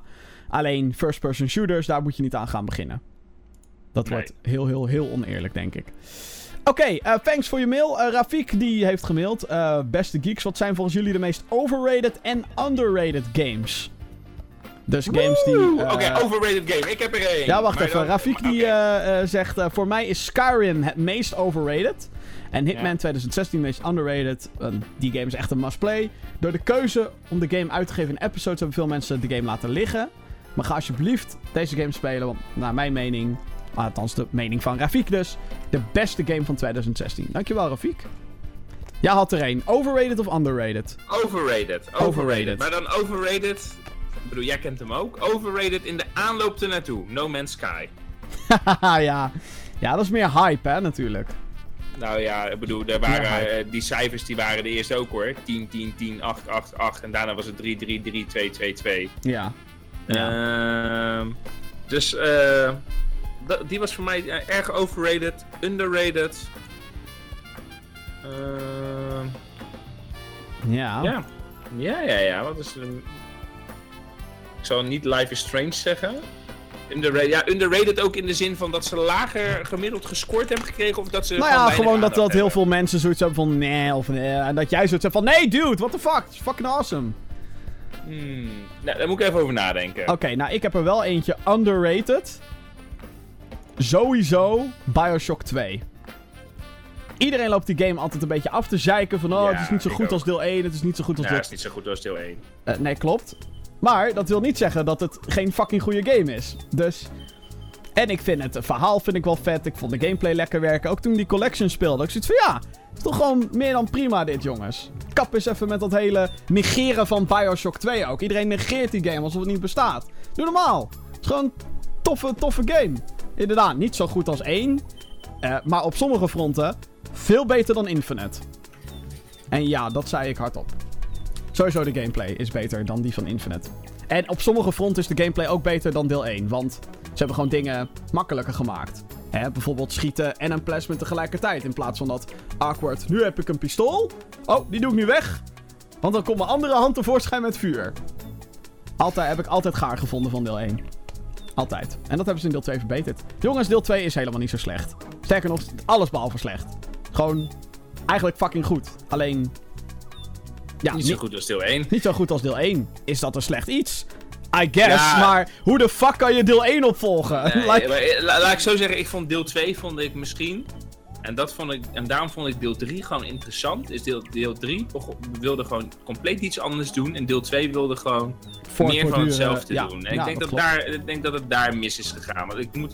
Ja, eh, het was niet zo goed als deel 2. Maar ik heb me ook. Ja, weet het, ik, ik vond dat ook misschien iets te veel gezeik en gezeur in deel 2. Dat Vond hele? Tenenbaum, eh, dat hele Tenenbaum, dat was toch deel 2, die vrouw.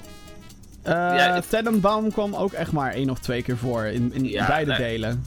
Eh, ja, en ik, weet Zat je, ik wel kan me mee, deel, en deel 2 kan ik me ook niet eens meer zo goed herinneren. Deel 1 staat op mijn netvlies, deel 3 staat op mijn netvlies en deel 2 niet. Dus eh, daarbij heeft het bij mij eh, niet zo'n eh, grote indruk eh, achtergelaten. En ja, nee, een underrated game, eh, die, die heb ik niet. Want vaak, eh, vaak matcht, match, eh, zeg maar, mijn nou, is mijn Mirror's Edge Cata- Catalyst niet misschien underrated, naar jouw mening? Nee, nee, Nee? nee. Oh, oké. nee. Mirror, Mirror's Edge Catalyst jij had die nog in je top 10 lijstje staan voor 2016, terwijl echt Ja, niemand klopt. anders het over die game heeft gehad. Nee, dat klopt. Maar weet het. ehm, al met al, zeg maar, was gewoon de feeling van Mirror's Edge. Dan, dan heb ik zoiets ja, hij klopt wel met wat, het, wat, het, wat, wat, wat de massa zegt Ja. daarover. En als we het dan hebben over overrated, ehm sorry, eh, Call of Duty. Call of Duty. Al jaren. Oh, ja, high ja, five! ja, ja, ja, ja, ja, ja, ja. Ik kan- hetzelfde. Ik ook op overrated. Ja, Call of Duty. Nou, elk jaar weer die 9 out of 10, bla bla bla. En Ja. het zijn absoluut geen slechte games, don't get me wrong. Ook Modern War, ook Infinite Warfare. Ik vond de singleplayer best vermakelijk. Eh, de multiplayer vond ik echt zwaar kut. En dit is echt al jaren hetzelfde. En dat is een beetje het probleem met als je zo'n grote franchise hebt. Het is, eh, elk jaar is het hetzelfde. En dan heb je natuurlijk mensen die gaan zeiken dat het hetzelfde is. Maar op het moment dat Activision of de ontwikkelaar eindelijk iets verandert. Of iets nieuws introduceert. Wat echt de game een beetje anders maakt. Dan gaat Ja. iedereen weer bitchen. Ah, fuck nou, dit is geen Call of Duty meer. Bla bla bla. Ja, what the fuck. Ja. Overrated, mensen. Overrated. Echt overrated. Want, ja, gewoon die... Kom op. Ja, Kom op. En Eh, ook... misschien, eh, eh, ik en- heb misschien, Ja? oké, ja. Ja. Ja, maar. Eh, ehm, race games die helemaal niet zo goed zijn als dat sommige fans beweren. Ik kreeg laatst ook weer een rage comment op mijn Drive Club review van 3,5 jaar geleden.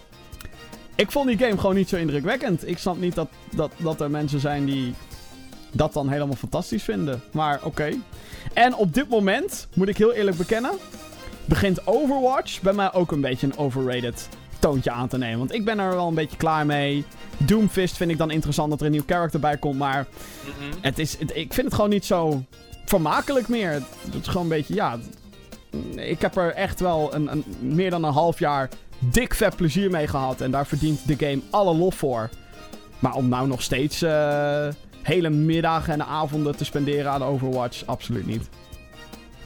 Dus Misschien is Super Hot een beetje underrated. ja, Super Hot is wel echt underrated, ja. Super Hot. En ik vind eh, Civilization vind ik misschien ook wel underrated. Ik weet wel dat er een grote community is die het speelt. Maar ik denk dat het dat te weinig mensen eh, zijn die dat ook echt een kans durven te geven. Ja.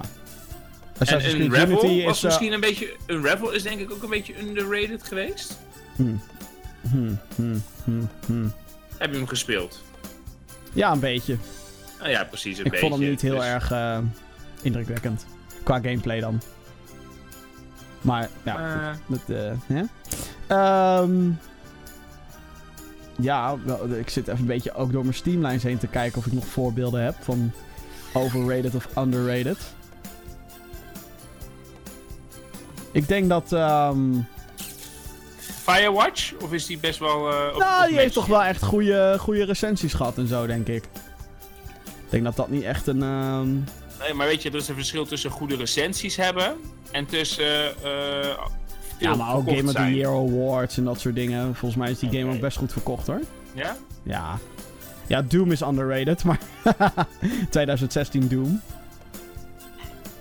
Maar ja, goed. Het is een beetje. eh, Nou, nee, verder heb ik niet, eh, kan ik niet echt iets Nee. bedenken waarvan ik denk. eh, is, er- is er nog iets van. Ja. Nee, nee, niet echt. Ik denk dat dat het wel is. Qua underrated, overrated. Oké, mail- of, podcast.gamergeeks.nl. Robert Kuiper die heeft gemaild. Beste Gamergeeks, ik ben nu een tijdje Injustice 2 aan het spelen. Alleen toen de trailer voor DLC Pack 1 uitkwam, zie je een silhouet die echt op Raiden lijkt. Terwijl Sub-Zero 11 juli al wordt toegevoegd aan Injustice 2. Mijn vraag is dan ook: wat vinden jullie ervan dat personages uit andere franchises worden neergezet als DLC? Dus ehm, voor de duidelijkheid, Injustice 2 is een fighting game. Die gaat over Ja. DC superheroes. Dus Batman, Ja. Superman, de Joker, eh, Harley Quinn zit erin, Deadshot zit erin, Gorilla Grodd, The Flash. Nou, noem ze allemaal maar op. Die zitten er allemaal in. Eh, dat wordt gemaakt door de studio achter Mortal Kombat. Zelfde Ja. uitgever ook achter Mortal Kombat. En dus komt er als DLC Sub-Zero uit Mortal Kombat komt dus in die game. Wat vinden wij daarvan? Ja, weet je, het is geen. hij hoort or- or- officieel niet in, in eh, Injustice. Dus eh, ik vind het prima dat het dan een DLC is. Ja, Als, ik vind... als, het, nou, als het part van, een- van de story moet, is, zeg maar. Dan heb ik zoiets van. Dan vind ik het zonde. Maar als het uit een andere franchise komt, ja, dan, eh, Ja. dan moet je hem heel graag willen hebben. En als je dat heel graag wil hebben, dan eh, kan je daar extra voor betalen. Het is... Dus ehm, nee, eh, in in en dit dat- scenario vind ik het niet, vind ik het niet heel stoer. Ik vind het juist heel tof, want heel lang geleden hebben we Mortal Kombat vs. DC Universe gehad. Eh, en nu hinten ze daar ook weer een beetje naar. En het is gewoon leuk dat je in een game die heel erg speelt als Mortal Kombat... ook daadwerkelijk als een Mortal Kombat personage kan spelen. Is gewoon wel grappig om Sub-Zero versus Superman te hebben. Of Sub-Zero versus Captain Cold. Wat gewoon heel weird is als je daarover nadenkt. Wat is een beetje dubbelop, maar daardoor juist wel grappig. Ja. Ehm, er zijn natuurlijk nog meer voorbeelden. T- eh, eh, er zit bijvoorbeeld een, een, een Street Fighter character in Tekken 7. is geen DLC. Maar die is dan wel onderdeel van de storyline. En ik vraag me heel erg af hoe dat gaat uitpakken. Daar heb ik nog niet echt tijd voor gehad om dat uitgebreid te gaan zitten spelen. Ehm, een ander goed voorbeeld. En ik denk dat mensen dat alleen maar toejagen. Want waarom niet? Super Smash Bros. Cloud uit Final Fantasy in Smash. Oh ja, Fucking ja. awesome, toch? Wat is daar mis mee? Het is Ja. geen Nintendo, het is geen... Sterker nog, Cloud is van Final Fantasy 7 schreeuwt PlayStation. En dat komt dan bij Smash. Niks mis mee. Doe maar, waarom niet? Het is, het is geen verplichting, het is een leuke extra. Een, een echte toevoeging op wat Smash in dit geval is. Eh, Ja. Bij characters zo, of, of bij games zoals Smash werkt dat ook het beste. Fighting games. Je moet het niet. eh, hè, dat- er zijn, bij andere games wordt het al snel imbalanced. Of dat je denkt, waarom moet dat nou? Hè, zoals eh, in shooters dat Duke Nukem ineens de stem is van het hoofdpersonage van Bulletstorm. Dat ik denk, ja. Voor de rest verander je niks aan de game. Dus het klopt dan niet, naar mijn mening. Nee. En dan heb je natuurlijk MOBA's. Die eh, nog niet echt uit een andere franchise komen. Maar het is natuurlijk een kwestie van tijd voordat zoiets gaat gebeuren. Dus, ik, eh, ik vind het wel grappig. Ik zie, ik zie niet echt een probleem daarin. Ik zie hier ook geen probleem in. Het enige probleem deze- wat je wel gaat krijgen is in de toekomst. Want zodra licenties verlopen tussen partijen, als het daadwerkelijk niet van dezelfde partij is, dan eh, is het ineens niet meer beschikbaar. En dan ben je dus fucked. Want dan kan, dat, dan kan je dat gewoon niet meer terughalen. Je kan het niet meer spelen. Net zoals dat ehm, Tekken 3 bijvoorbeeld, leuk voorbeeld, eh, had een, een, een guest character, Gun, is van een manga slash anime. Ja? Een klein dinosaurusje is het. Dus een soort van joke character. Zat in de game.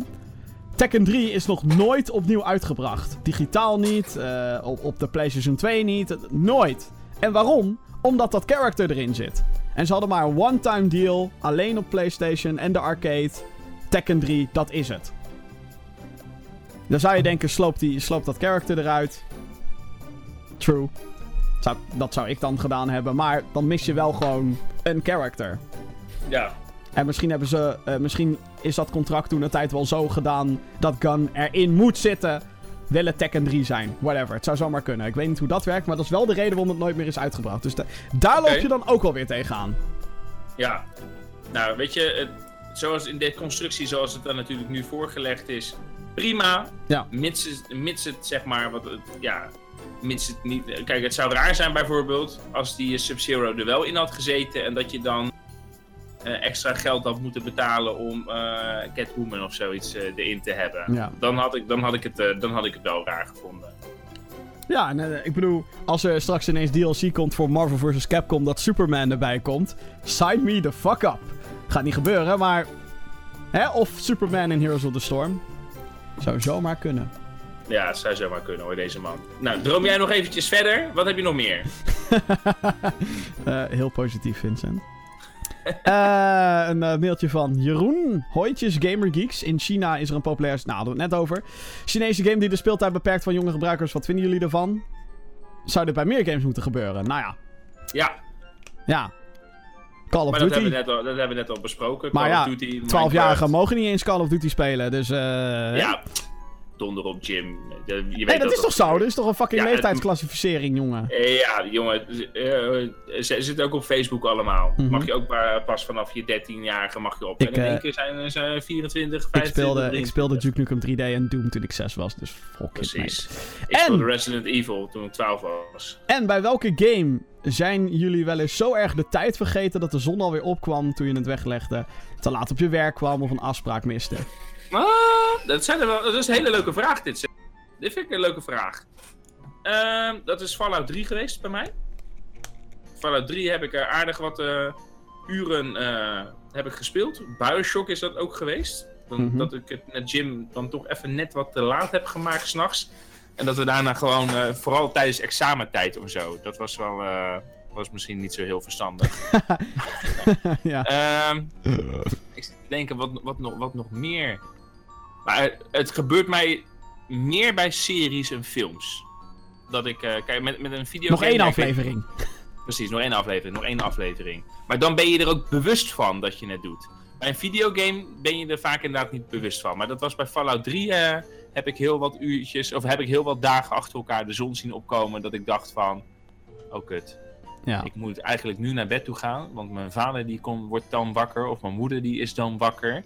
En dan kan het eigenlijk niet zo zijn dat ze me hier dan nu nog ochtends eh, zien. Nu ik 28 ben, merk ik dat dat allemaal wat minder is. Maar dat ik ook wat, ja, dat, dat ik dan zeg, oh shit Jim, ik, we worden oud.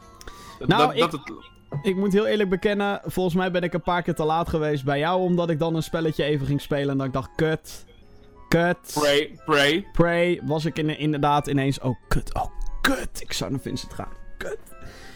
Ehm, en eh, nou, ik heb nachten doorgehaald met Diablo 2 toen de tijd. Heb ik echt nachten doorgehaald, want dat vond ik helemaal fantastisch. Ehm, Super Smash heb ik, eh, we hebben we het wel allemaal over vroeger gehaald. Toen ik nog niet echt een 40 uur durende verplichting had door de weeks. Maar Super Smash gewoon. Hoppakee, de hele fucking nacht lang. En dan, nou, dan variëren we dat met een beetje Mario Kart op de Gamecube. En hoppakee, weer aan de Smash. Eh, daar kan ik me heel erg in verliezen. Ehm Heroes of the Storm zou nu toch wel de game zijn waar ik eh, echt een hele dag aan kwijt kan zijn. Mhm. Ehm, ja, je moet wel echt van die immersieve games hebben. Maar het is me zeker wel voorgekomen. Tegenwoordig gebeurt dat een stuk minder. Want hé, hey, inderdaad, we worden ouder. Meer verplichtingen. Ons li- onze lichaampjes kunnen niet zoveel eh, meer handelen als vroeger. Gaan we wel doen natuurlijk. Ik bedoel, E3, hoppakee. Ik blijf zo weer een nacht wakker hoor. Mhm. Als het mot. Mhm. Ehm, dus ja, nee, eh, zeker. Het is me wel eens voorgekomen. Ik denk dat dat bijna iedereen wel eens een keer is voorgekomen als een echte Maar een, gamer. een leuke vraag. Leuke Zeker, vraag. ja. Thanks Jeroen. Oké, ehm, dan gaan wij naar het gesprek van de dag. En dat heeft ook een beetje te maken met eh, een soort concept over... wat zijn jouw grenzen als het gaat om games? We hadden het er net al over. Crash Bandicoot is uit. Crash Bandicoot, de Insane Trilogy. Ik eh, heb deze week al wat meer zitten spelen. Eh, jouw vriendin heeft hem ook. Je hebt er zelf ook al... gekregen? Ja, klopt ja. Verjaardagscadeautje. Ik denk, nou, dat is wel een toepasselijke. Ehm, en je hebt hem dus ook al even zitten spelen. Hoe was dat voor jou? Nou, het is leuk om er naar te kijken. Maar het is niets voor mij. Oh, oké. En waar Mm. komt dat door? Nou, mm, te veel herhaling. Oh, Te weinig verhaal, te veel herhaling. Daarom is niks voor mij. Het is gewoon een platformer, is het eigenlijk. Ja. En, ehm, nou, het is niet mijn, eh, niet mijn genre. Oké, nou wat mij in ieder geval eh, heel erg is eh, eh, opgevallen, is dat die game fucking moeilijk is.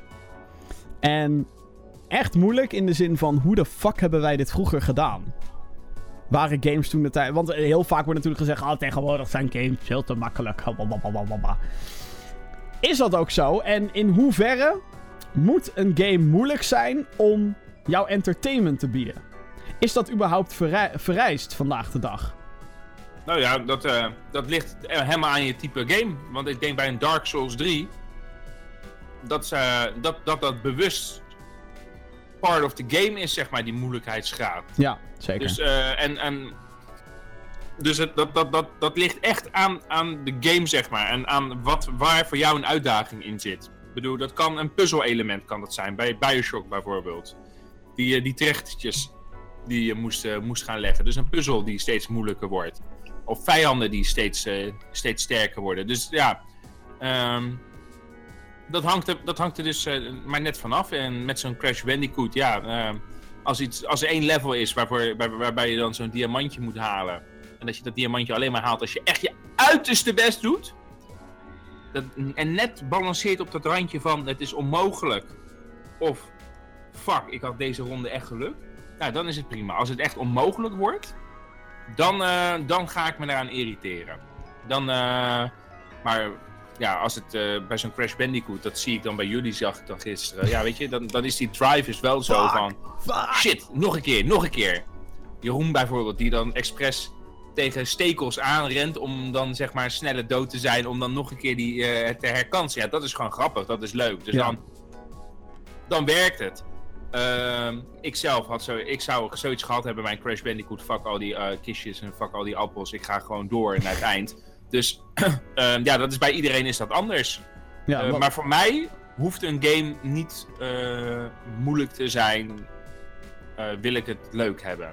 Dat is bij mij niet zo. Bij mij moet gewoon het verhaal moet gewoon goed zijn. Ik moet me gewoon kunnen inleven in een personage. eh, eh, ehm, ik, ja, ik ben dan wat, casual, wat, wat casualer daarin. Dat het gewoon even wat, net wat meer laid back mag zijn. Want wa- wat is de moeilijkste game die jij ooit hebt uitgespeeld? Denk je? Of überhaupt hebt gespeeld? Want Ja, dat is dus lastig, want ik ervaar zeg maar niet een. eh, zo, bijvoorbeeld zo'n difficulty setting en zo. Ik ervaar dat niet op die manier. Kijk, als ik een game speel, speel ik hem op hard. Oké. Dan, dan, dan speel ik hem op hard. Ik heb eh Far Cry speelde ik op hard, Fallout speelde, ja, kon je ook op hard zetten, toch? Je difficulty Fallout. Eh, dat weet ik eigenlijk niet. Was dat? Ja, er was wel een soort van ultra survival mode en zo. Ja, misschien zoiets. Dus dan, dan, speel ik het, dan, dan speel ik het daarop. Dus als er de mogelijkheid is, Horizon Zero Dawn, ik zou hem niet opnieuw op gaan spelen om hem nu in ultra hard te doen. Dat niet. Maar misschien die DLC, dat ik dan denk van, oh, zetten we, laten we hem op ultra hard zetten. Dan vind ik het wel leuk om daar een uitdaging in te zien. Amnesia, die we toen hebben gespeeld, hebben we op hard eh, gespeeld. Eh, was, het, was het Amnesia? Ja, Amnesia 2. Dus ja, dan, eh, dan wil ik hem wel graag op Bedoel je hard niet zetten. Outlast 2? Oh, sorry, Outlast 2, dankjewel. Ja, Outlast 2. Ja. Dit is hoe goed die game is, mensen. Review Ja. binnenkort op GamerGeeks. ik weet niet Dus, eens hoe het eh, heet. Nee, nee, nee. Maar het is gewoon, ik heb hem te lang niet aangeraakt. Ik heb hem nu te lang niet aangeraakt. Maar ja, nee, dus dan, dan probeer ik het wel op hard te zetten. Dan, zet ik daar wel, eh, dan, zo- dan zoek ik daar wel een, eh, een uitdaging in. Maar ja, als er geen difficulties zijn, vind ik het ook prima. Ja. Vind ik het ook prima. Maar de moeilijkste game die ik ooit heb uitgespeeld, ik denk dat dat Super Mario is geweest. Oké, ja, voor mij waarschijnlijk ook. En dan hebben we het over Super Mario Bros. The Last Levels. Een vervolg die eh expres moeilijker was, want het was bedoeld voor de mensen die Super Mario Bros. al hadden uitgespeeld. Ja. Nou, dat merk je ook als je die fucking game speelt. De tandjes, jezus, je moet zo accuraat zijn af en toe in, in, in gebieden waarvan je denkt... Hoe de fuck kan dit? En je moet alles in één flow doen en in één ruk. En ik merk dat dus ook inderdaad bij Crash Bandicoot. Dus, fuck, ik, ik- wil ook gewoon die fucking gem halen. Het is alsof je een concurrentiestrijd hebt met het spel op dat Mhm. moment van... You will not fucking beat me, mijn vriend. Maar dat is dan vooral omdat je geen... Je hebt geen RPG-element of zo waar je aan vast kan klampen. Je kan niet grinden om sterker te worden. Je kan niet... Nee, je moet het gewoon doen. Ja, En ik denk dat ik dat ook wel eh, het meest satisfying vind. En dat vind ik vaak ook een beetje... eh, hatelijk is dan een groot woord. Maar dat had ik bij Dark Souls 3 had ik dat heel erg. Dat ik denk, ja, ik word gewoon helemaal kapot geklapt. Nadat ik een kwartier heb gelopen.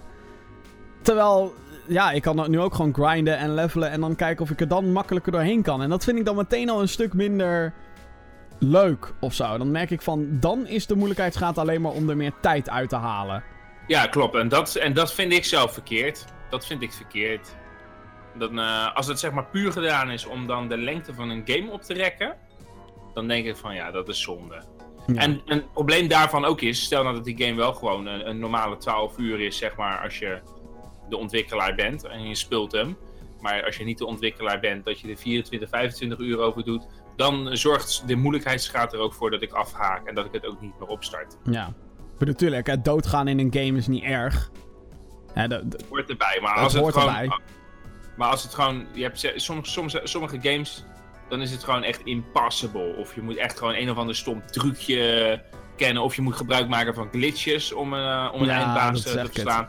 Dan is het van ja, nee, ja, eh, ik stop ermee. het is ook een beetje... eh, het is natuurlijk ook een verschil tussen een game die gewoon moeilijk is... en een game die moeilijk is omdat shit niet werkt.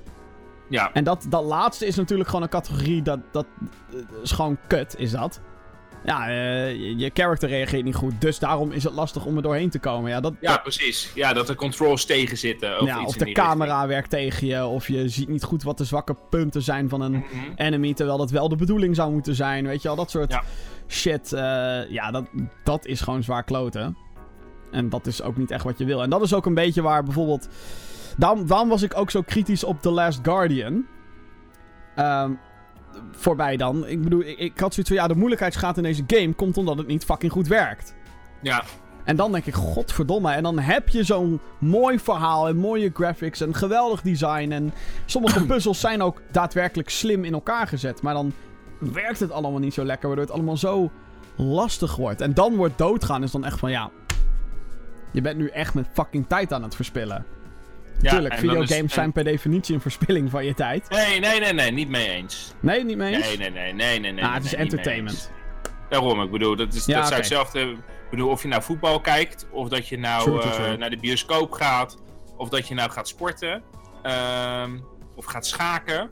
Nee, ik eh, ben het niet mee eens dat videogames eh, een verspilling van je tijd zijn. Er kunnen mensen zijn die het een verspilling van hun tijd vinden. En als je zelf niet gamet, dan ben je sneller geneigd om Ja. eh, dat te zeggen en dat te vinden. Ga dan maar Maar weer lekker acht uur naar een fucking fietsende mensen kijken, die Tour de dan, dan, France. dan, dan- dan kan ik ook zeggen, eh, is verspilling van je tijd. Je, jezelf vol plamuren met, eh, bedoel, iedereen heeft gewoon zijn eigen ding. En iedereen moet gewoon zijn eigen ding kunnen doen. En daar hoeft niemand wat van te vinden. Ja, Dus nee, geen verspilling, geen verspilling van tijd. nee. Ik heb er alleen op dit moment geen tijd voor. Nee, ja, nou, dat, dat is het inderdaad ook. En ik denk dat, hoe... hoe... Ik waardeer, het is, het is zo'n rare balans die je dan moet hebben. Van, oké, ik heb zoveel tijd om een game te spelen. Dan wil je natuurlijk wel ergens komen op den duur. Ja, en dat vind ik wel belangrijk. En daar hadden we het natuurlijk eh, een paar podcasten terug over. Eh, is dat, en wat je, je ziet het steeds vaker, gewoon wat kortere games. Die drie uur tot zes uur zijn, zo'n Little Nightmares dan bijvoorbeeld. Little Nightmares, inderdaad, ja. Eh, prima. Graag meer. Graag Ja. meer. Ik bedoel, ehm, ik vind het heerlijk, zeg maar. Of, want we zijn, we zijn nu allemaal op zo'n punt gekomen. Allemaal, en dan heb ik het over zeg maar de Netflix-generatie om te binge-washen. Dus dat we vijf afleveringen van House of Cards achter elkaar kijken. En dat dat normaal gevonden wordt. Ja, en dus, eh, en dat is dan je entertaining voor je zaterdag of je entertaining voor je zondag. Of met je vrienden op de bank zitten. Van oké jongens, we gaan nu zes uur gaan we met z'n allen gaan we een game spelen. En dat het na zes uur dan ook gewoon afgelopen is. Until dan, wat wij speelden natuurlijk. Daar hebben wij hoe lang over gedaan? Ik denk Acht uur? voor, ja, voor één playthrough 6 tot 8 uur. Ja, Zes tot acht uur. Ja, en bij Until Dawn had ik... Hij is net te lang. Hij ja, is net ja, te lang. ja. Gaat net iets net- te lang door. Net iets te lang door. Maar dat was gewoon prima een game. Om En- gewoon met z'n allen op de bank te zitten en eh, gewoon de nacht in te gaan. Het En dat- interessante van zo'n Until Dawn natuurlijk ook, is dat het eigenlijk niet echt een moeilijkheidsgraad heeft. Tenzij je zelf doelen voor ogen hebt. Klopt. Dus klopt. bijvoorbeeld iedereen Ja. in leven wil houden in Until Dawn, dat is mogelijk. Ehm, ja, dan, dan, dan wordt dat een stuk lastiger dan wanneer je zoiets hebt van... Ik maak gewoon mijn keuzes en ik zie wel wat er gebeurt. Ja, Een soort artificial difficulty. Ja. Wat wel interessant is in dat soort gevallen. En vind je die Ja. dan vermakelijker dan een traditionele game? Of, eh, zo'n Dawn bedoel je? ja, of Life is Strange, want daar maak je ook keuzes. Of Nee, kan je daar maar, wel gewoon... Maar dat, dat zijn mijn favoriete games. Dat zijn mijn favoriete games. En eh weet het, eh, ehm, ik vind zo'n approach vind ik gewoon interessanter dan, eh, ja, dan een Dark Souls of dan een, eh, Crash Bandicoot. En, maar dat komt ook vanwege de narrative, hè? Ik bedoel, het- Mhm. voor mij is het verhaal het allerbelangrijkste wat er is in een videogame.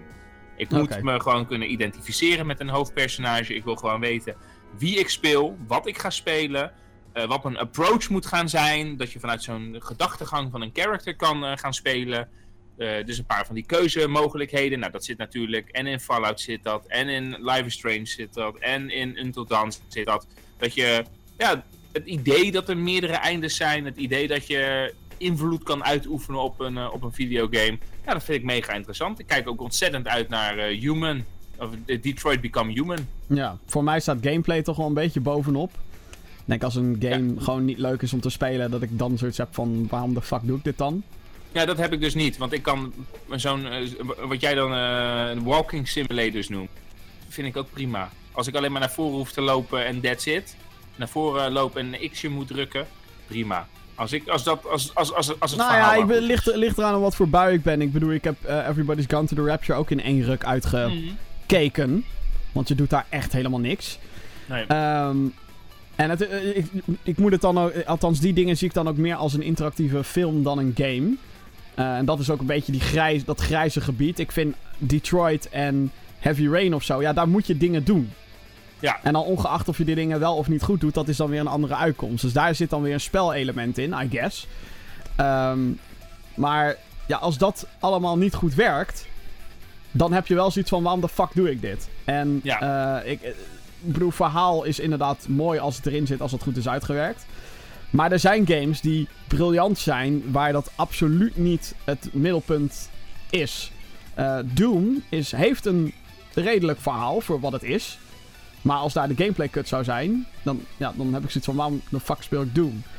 Eh, Mario hetzelfde verhaal. En ik denk dat dat voor andere Super Smash helemaal. Eh, dus ja, voor, ik denk dat wij daarin gewoon heel erg verschillen.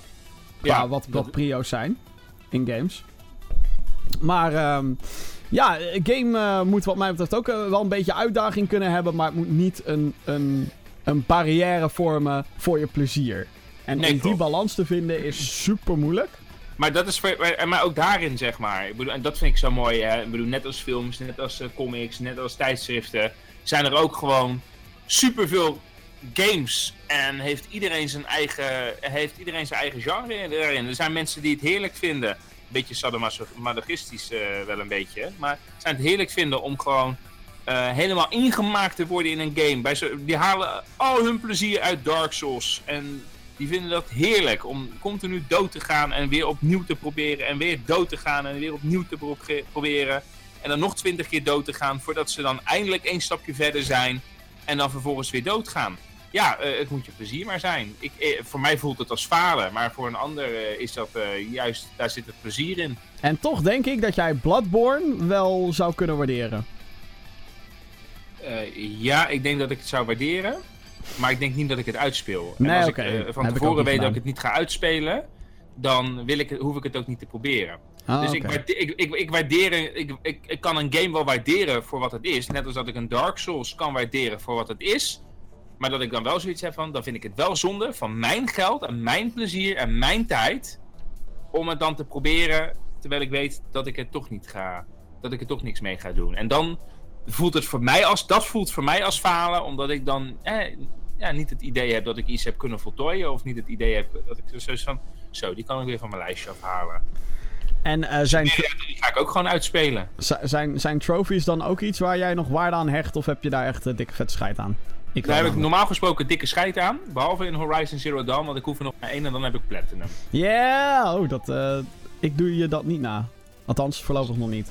Oké. Okay. Ja, dus dat is... Laten we naar uh, de releaselijst gaan kijken, want mensen, daar komen games uit. Hoe is het mogelijk? Oh nee, wacht, kut, ik vergeet helemaal iets. Ah.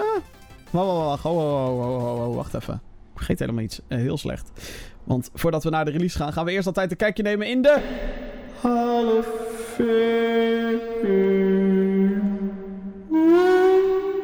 de Hall of Fame is een uh, onderdeel in de podcast waarin we gaan kijken naar games. Of we gaan het hebben over games die, uh, uh, wat ons betreft, een plekje in ieders gamers hart verdient. Waarvan je zegt: hey, maakt niet uit of het oud is of nieuw. Dit moet je absoluut spelen. Vincent, welke game heb jij voor vandaag? Pokémon Snap. Oh, oh, snap. Oh, snap. Ja. Oh, snap. waarom Pokémon Snap? Uh, laten we maar gewoon in onze eigen Hall of Fame zetten, zodat het herdacht wordt. Uh, want ik vind het jammer dat, eh, dat daar nooit een vervolg van is gekomen. Ik vind het jammer dat er helemaal geen geruchten over zijn of Nintendo nog iets gaat doen. Pokémon Snap, dat eh, komt het dichtste bij een 3D Pokémon game. Ehm, die we nooit gaan krijgen. Je bedoelt, is, het is... Je bedoelt een... een... Een, 3D-RPG. Een 3D-RPG Pokémon game. Maar die heb je wel gehad hoor, op de Gamecube. Twee stuk zelfs. Een Pokémon, een 3D Pokémon RPG game? Ja, Pokémon Colosseum. Nee. Jawel. Ja, Pokémon Colosseum en Pokémon Stadium Nee, nee, nee, nee, nee, nee, nee, nee, nee, nee, nee, nee, nee, nee, nee, nee, nee, geen Stadium. Nee, hoe heette het Colosseum? Volgens mij heette het Colosseum. De Nintendo Gamecube was er zo'n 3D Pokémon game. Uh, Colosseum. Ja, ja, ja, deze game. Zo fucking... Als je die nu nog wilt halen, dan uh, veel succes. Ja, maar deze heb ik nooit gespeeld. Maar ook dit... ja, het is niet eens dat... Het was, volgens, mij is, volgens mij heb jij ooit gezegd dat, dit, dat ik dit helemaal niet moet gaan spelen. Heb ik dit volgens mij op sterk afraden van jou... Uh, Voor mij? Oh, ik heb ja. dit zelf ook nooit gespeeld, joh. Ik zou echt niet weten hoe dit... nou, nee, ik meen het. Ik weet alleen dat het bestaat. Oké, okay. maar, ook, ja, maar ook dit. Maar goed, dit is ook prima. Dan, uh, dan, maar ik, Pokémon Snap was het voor mij. Uh, dit ziet er ook prima uit op die ja. manier. Maar het, maar het is er... Ik bedoel, ze, ze laten zien in Pokémon Snap, hè. Van, hé, hey, we hebben andere werelden waar we heen kunnen gaan dan op zo'n on-rails. Af en toe wat... Uh, met dat fototoestelletje. Nou, wat, het was zo leuk was het. Ja, want Pokémon Snap is dus leuk. een soort... Eigenlijk een on-rail shooter. met Pokémon. Maar in plaats van dat je Pokémon neerschiet schiet je foto's van ze. Ja, klopt. En uh, ik heb het spel zelf nooit gespeeld. En ik vind het oh, altijd het heel zo leuk. fascinerend om te zien hoe mensen hier helemaal gek van worden als het alleen maar genoemd wordt. Ja, Want het was zo leuk, Jim. Als je het op papier zet, is het super saai. Maar in zo'n wereld van Pokémon lijkt het inderdaad super grappig. Ja, het is echt, dit is echt iets wat je, wat je eigenlijk gewoon nog een keer zou moeten uitproberen. Ik bedoel, jij bent iemand die gewoon games kan waarderen voor wat het was. Uh, dus jij zal nooit, een, uh, jij zal nooit een, uh, iets waarderen op ouderwetse graphics. Dus dit is echt een game waarvan ik denk dat jij hem echt kan waarderen. Okay. Bedoel, het is, ja, net, en dan, dan zie je het ook en dan denk je van Jezus Christus, die motherfuckers weten. We hebben hier gewoon de designs. We hebben hier gewoon een 3D Mew. We hebben, net als het ook in Pokémon Stadium natuurlijk zit. Maar Ja. het is er gewoon. Die werelden die kloppen. We hebben gewoon fucking professor ook in het begin die, je die, je, die je toespreekt. Van shit, alle ingrediënten zijn er, maar ze hebben er nooit wat meer mee gedaan. En Pokémon Snap, ik zou daar graag een vervolg van willen hebben. Ja, op je de bent, Switch je, je bent, zou een prima, prima toevoeging zijn. Het was ook op de Wii U. Had het een prima. ik denk dat het op de eh, Wii U nog, een, nog daadwerkelijk een toevoeging had gehad. Ja, want dan heb precies je. met dat tabletje. Ja, exact. Dan heb je dat tabletje en dat is dan je fotocamera. En dan eh, rij je een beetje rond. Ja, waarom niet? Had een prima, maar dat hebben ze helaas nooit gedaan. Maar dat was echt. eh, Het is, Ja, echt een echt van die, leuk. het is echt een van die typische games die, waar iedereen een vervolg van wilt. En dat Nintendo het gewoon weigert om te doen. Gewoon Ja. weigeren. Gewoon fuck it, mate. Terwijl ze Ja, donders goed weten dat als ze, als ze ook maar een game, ook al heeft het er niks mee te maken, en ze noemen het Pokémon Snap 2 of dubbele punt, The Next Adventure, weet ik veel, verzin iets. Fucking miljoenen over de toonbank. Gewoon ja Echt dat denk bizar. ik ook. En ehm, nou, wat, wat, althans, wat ik dan grappig vind van het concept van het spel, nogmaals, ik heb het zelf nooit gespeeld, eh, is dat je dan ook, zeg maar, A's moet gooien en dat er dan Pokémon tevoorschijn komen. Die gaan dan naar elkaar toe en dat je extra punten krijgt voor als Pokémon elkaar knuffelen of zo, want dan heb je een mooi moment op de foto. Een soort van, ja, Ja, maar dat was heel leuk. Ja, en, en daar kreeg je dan ook Chiefs, eh, of daar, daar kreeg je dan ook je, je trophies een beetje, een soort van.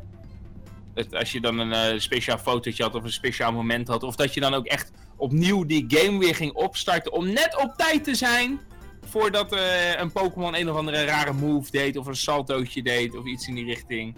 Ja, het, was, het was echt geweldig. Het was echt, echt heel erg leuk, Pokémon Snap. Ja. Ja, ik, eh, ik, ik kan me dat voorstellen. Nogmaals, zelf nooit gespeeld.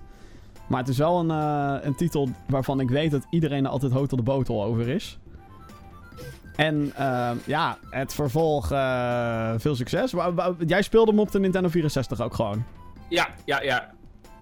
Ja, En dat was zou je ergens anders hem nog eh, spelen dan? Eh, volgens mij is hij uiteindelijk naar de Virtual Console gekomen op de Wii U sowieso. Oké. Maar op de Wii, dat weet ik eigenlijk niet. Eh voor Wii. Jawel, hij is ook op Wii. Oké.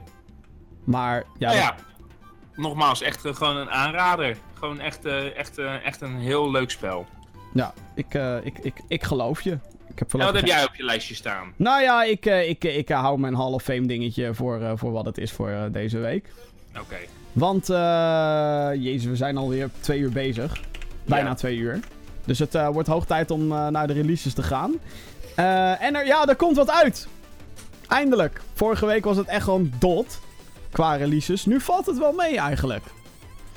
We beginnen met 11 juli. Want dan eh, komt onder andere Minecraft Story Mode Season 2 Episode 1. Yeah! Voor de PlayStation 4, Xbox One, PC. En ehm ja, opvallend dat er een Seizoen 2 van komt. Nou, opvallend. Logisch meer. Want Minecraft, Telltale, money, money, money, money, money. What? No money? Yeah. Breng gewoon een nieuwe episode uit. Ehm, dan Final Fantasy XII, de Zodiac Age, komt naar de PlayStation 4 ook op 11 juni. Dat is een eh, re-release, remaster van Final Fantasy XII, die van origine uitkwam voor de PlayStation 2.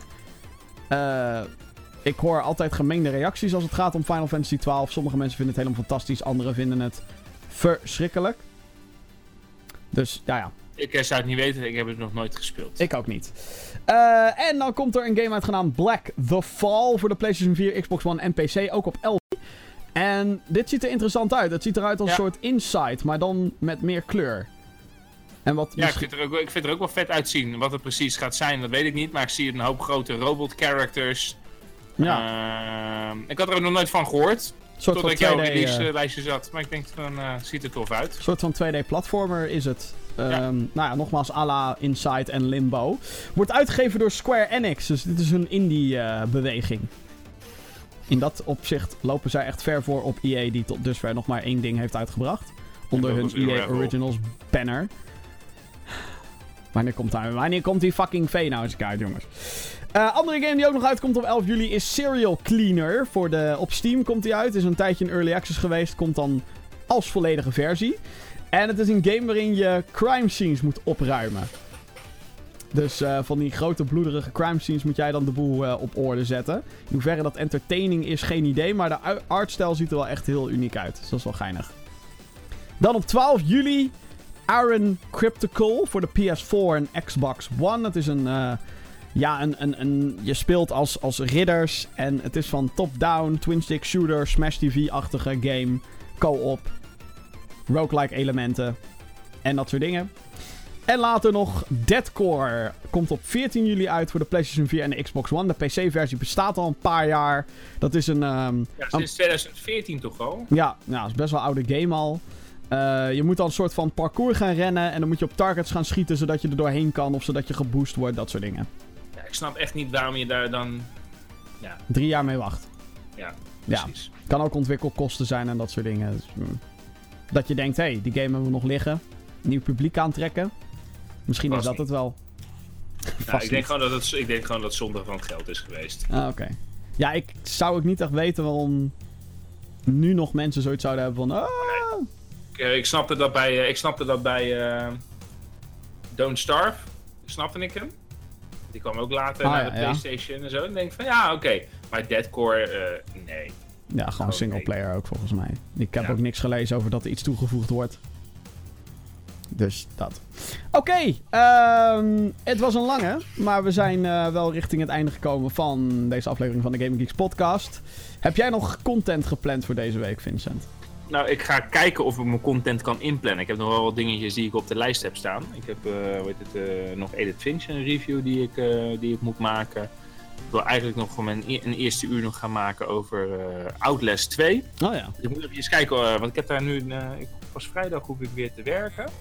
Dus ik heb maandag heb ik nog eventjes om een beetje bij te komen. En dan uh, ga ik kijken of ik dinsdag uh, weer mijn taakjes kan oppakken.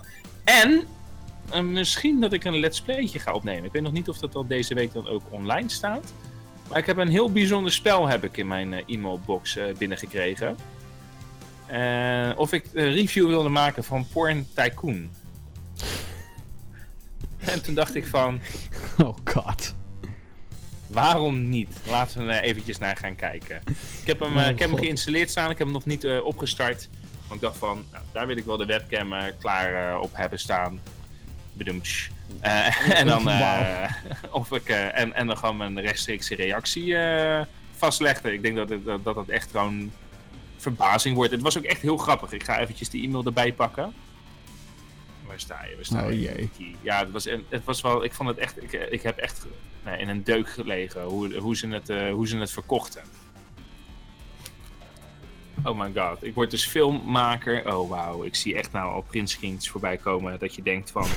Oh nee. What the F. Want het is dus een tycoon game waarin je een pornobedrijf uh, runt. Ja, dat ik een, dat ik een pornofilmmaker uh, moet gaan worden, staat hier. Oké. Ja, Porno Studio Tycoon heet het. Jezus. Ja, Zeg maar niet gaat streamen op Twitch, want ik weet zeker dat Twitch te preuts is voor uh, deze game. Ja, dat, dat denk ik ook. Dat denk ik ook. Dus dan, uh, maar ik, ik, denk, ik ga dit sowieso niet streamen. Dat, ah, Dit is gewoon wrong. Maar ik ga er wel, ik ga er wel aan kijken of ik een klein let's playtje van uh, kan maken. Oké. Okay, ja. ja, als jij ondertussen inderdaad even zegt wat jij gaat doen. Ik, nou, ik heb de Little Nightmares DLC uitgespeeld. Bobby ook. Dus waarschijnlijk gaan wij weer bij elkaar zitten om weer te praten over Little Nightmares, zoals we dat ook deden met ons eerste uur en onze review. Ik uh, ben nog steeds druk bezig met allerlei reviews. Ik weet dat heel veel mensen af en toe in de comments uh, schreeuwen: wanneer komt dit, wanneer komt dat, wanneer komt zus, wanneer komt zo. Wanneer het af is, mensen. uh, Kevin X is een hobbyproject. Misschien moet ik dat er nog even bij, uh, bij vermelden. dus vandaar dat dingen langer duren. Uh, dus ja, ik ben, van alles en nog wat aan het spelen voor recensies. Nou, die Steam controller ga ik mee aan de slag. En ehm, nu ik Spider-Man Homecoming heb gezien, is het misschien toch wel tijd om een, een keer een retro game te bespreken. Een Spider-Man game. Niet per se de DS-versie van Spider-Man 3 die ik nu in mijn handen heb. Maar er zijn een aantal Spider-Man games die ik soort van aan het spelen ben en aan het klooien ben met oudere consoles en aansluiten. En kan ik dat opnemen, bla bla bla. Ja, dat kan. Ehm, dus eh, wellicht dat daar iets voor komt. Of dat ook deze week is, dat weet ik niet. We moeten even allemaal afwachten hoe het zit met mijn tijd en bla bla bla bla bla. Maar ik heb er wel zin in om Spider-Man games te gaan bespreken op Gamer Geeks. Leuk. Oké, jij hebt een mailtje. Ik heb het mailtje heb ik hier voor me. Hi Vincent. Wanna review an unusual tycoon. Our game has solid economic model. Unusual gameplay and obviously beautiful graphics. We will be happy to see your let's play and hear your opinion. Oké, take me to my game key, staat er dan onder. En dat ziet er dan zo uit. Ah ja, er wordt nu een... Oh my god, zo'n screenshot met... Oh my god, Tycoon. De, de O's in Tycoon zijn ook daadwerkelijk als boobies. Ja, het zijn drie borsten. Het is heel fout. Oh my god. Oh, wat slecht. Wat Ja. slecht. Maar jij weet dat je het stiekem ook wilt spelen. Ik, ik ben wel heel benieuwd hoe het eruit ziet, ja. I'm not gonna Dus, lie. eh, ja, dus, eh, dus dit kreeg ik in mijn e-mailbox. Dus ik dacht van, nou, weet je, laten we het, eh, laten we het maar gaan proberen. Dus het staat geïnstalleerd. Dus dat eh, gaat ergens deze week eh, opgestart worden. Nou, spannend. Wat je ook moet proberen is eh, naar onze website toe te gaan. www.gamergeeks.nl voor alle videocontent die we maken. Want daar ligt eigenlijk de nadruk op van GamerGeeks. We hebben een YouTube kanaal. Abonneer erop. Twitter, at GamerGeeks. eh, NL, Twitch, GamerGeeks Live. Dat soort dingen. Abonneer, volg ons voor meer. Lieve mensen, eh, bedankt dat je erbij was bij deze GamerGeeks podcast. Ehm, nou, tot de volgende keer. Houdoe!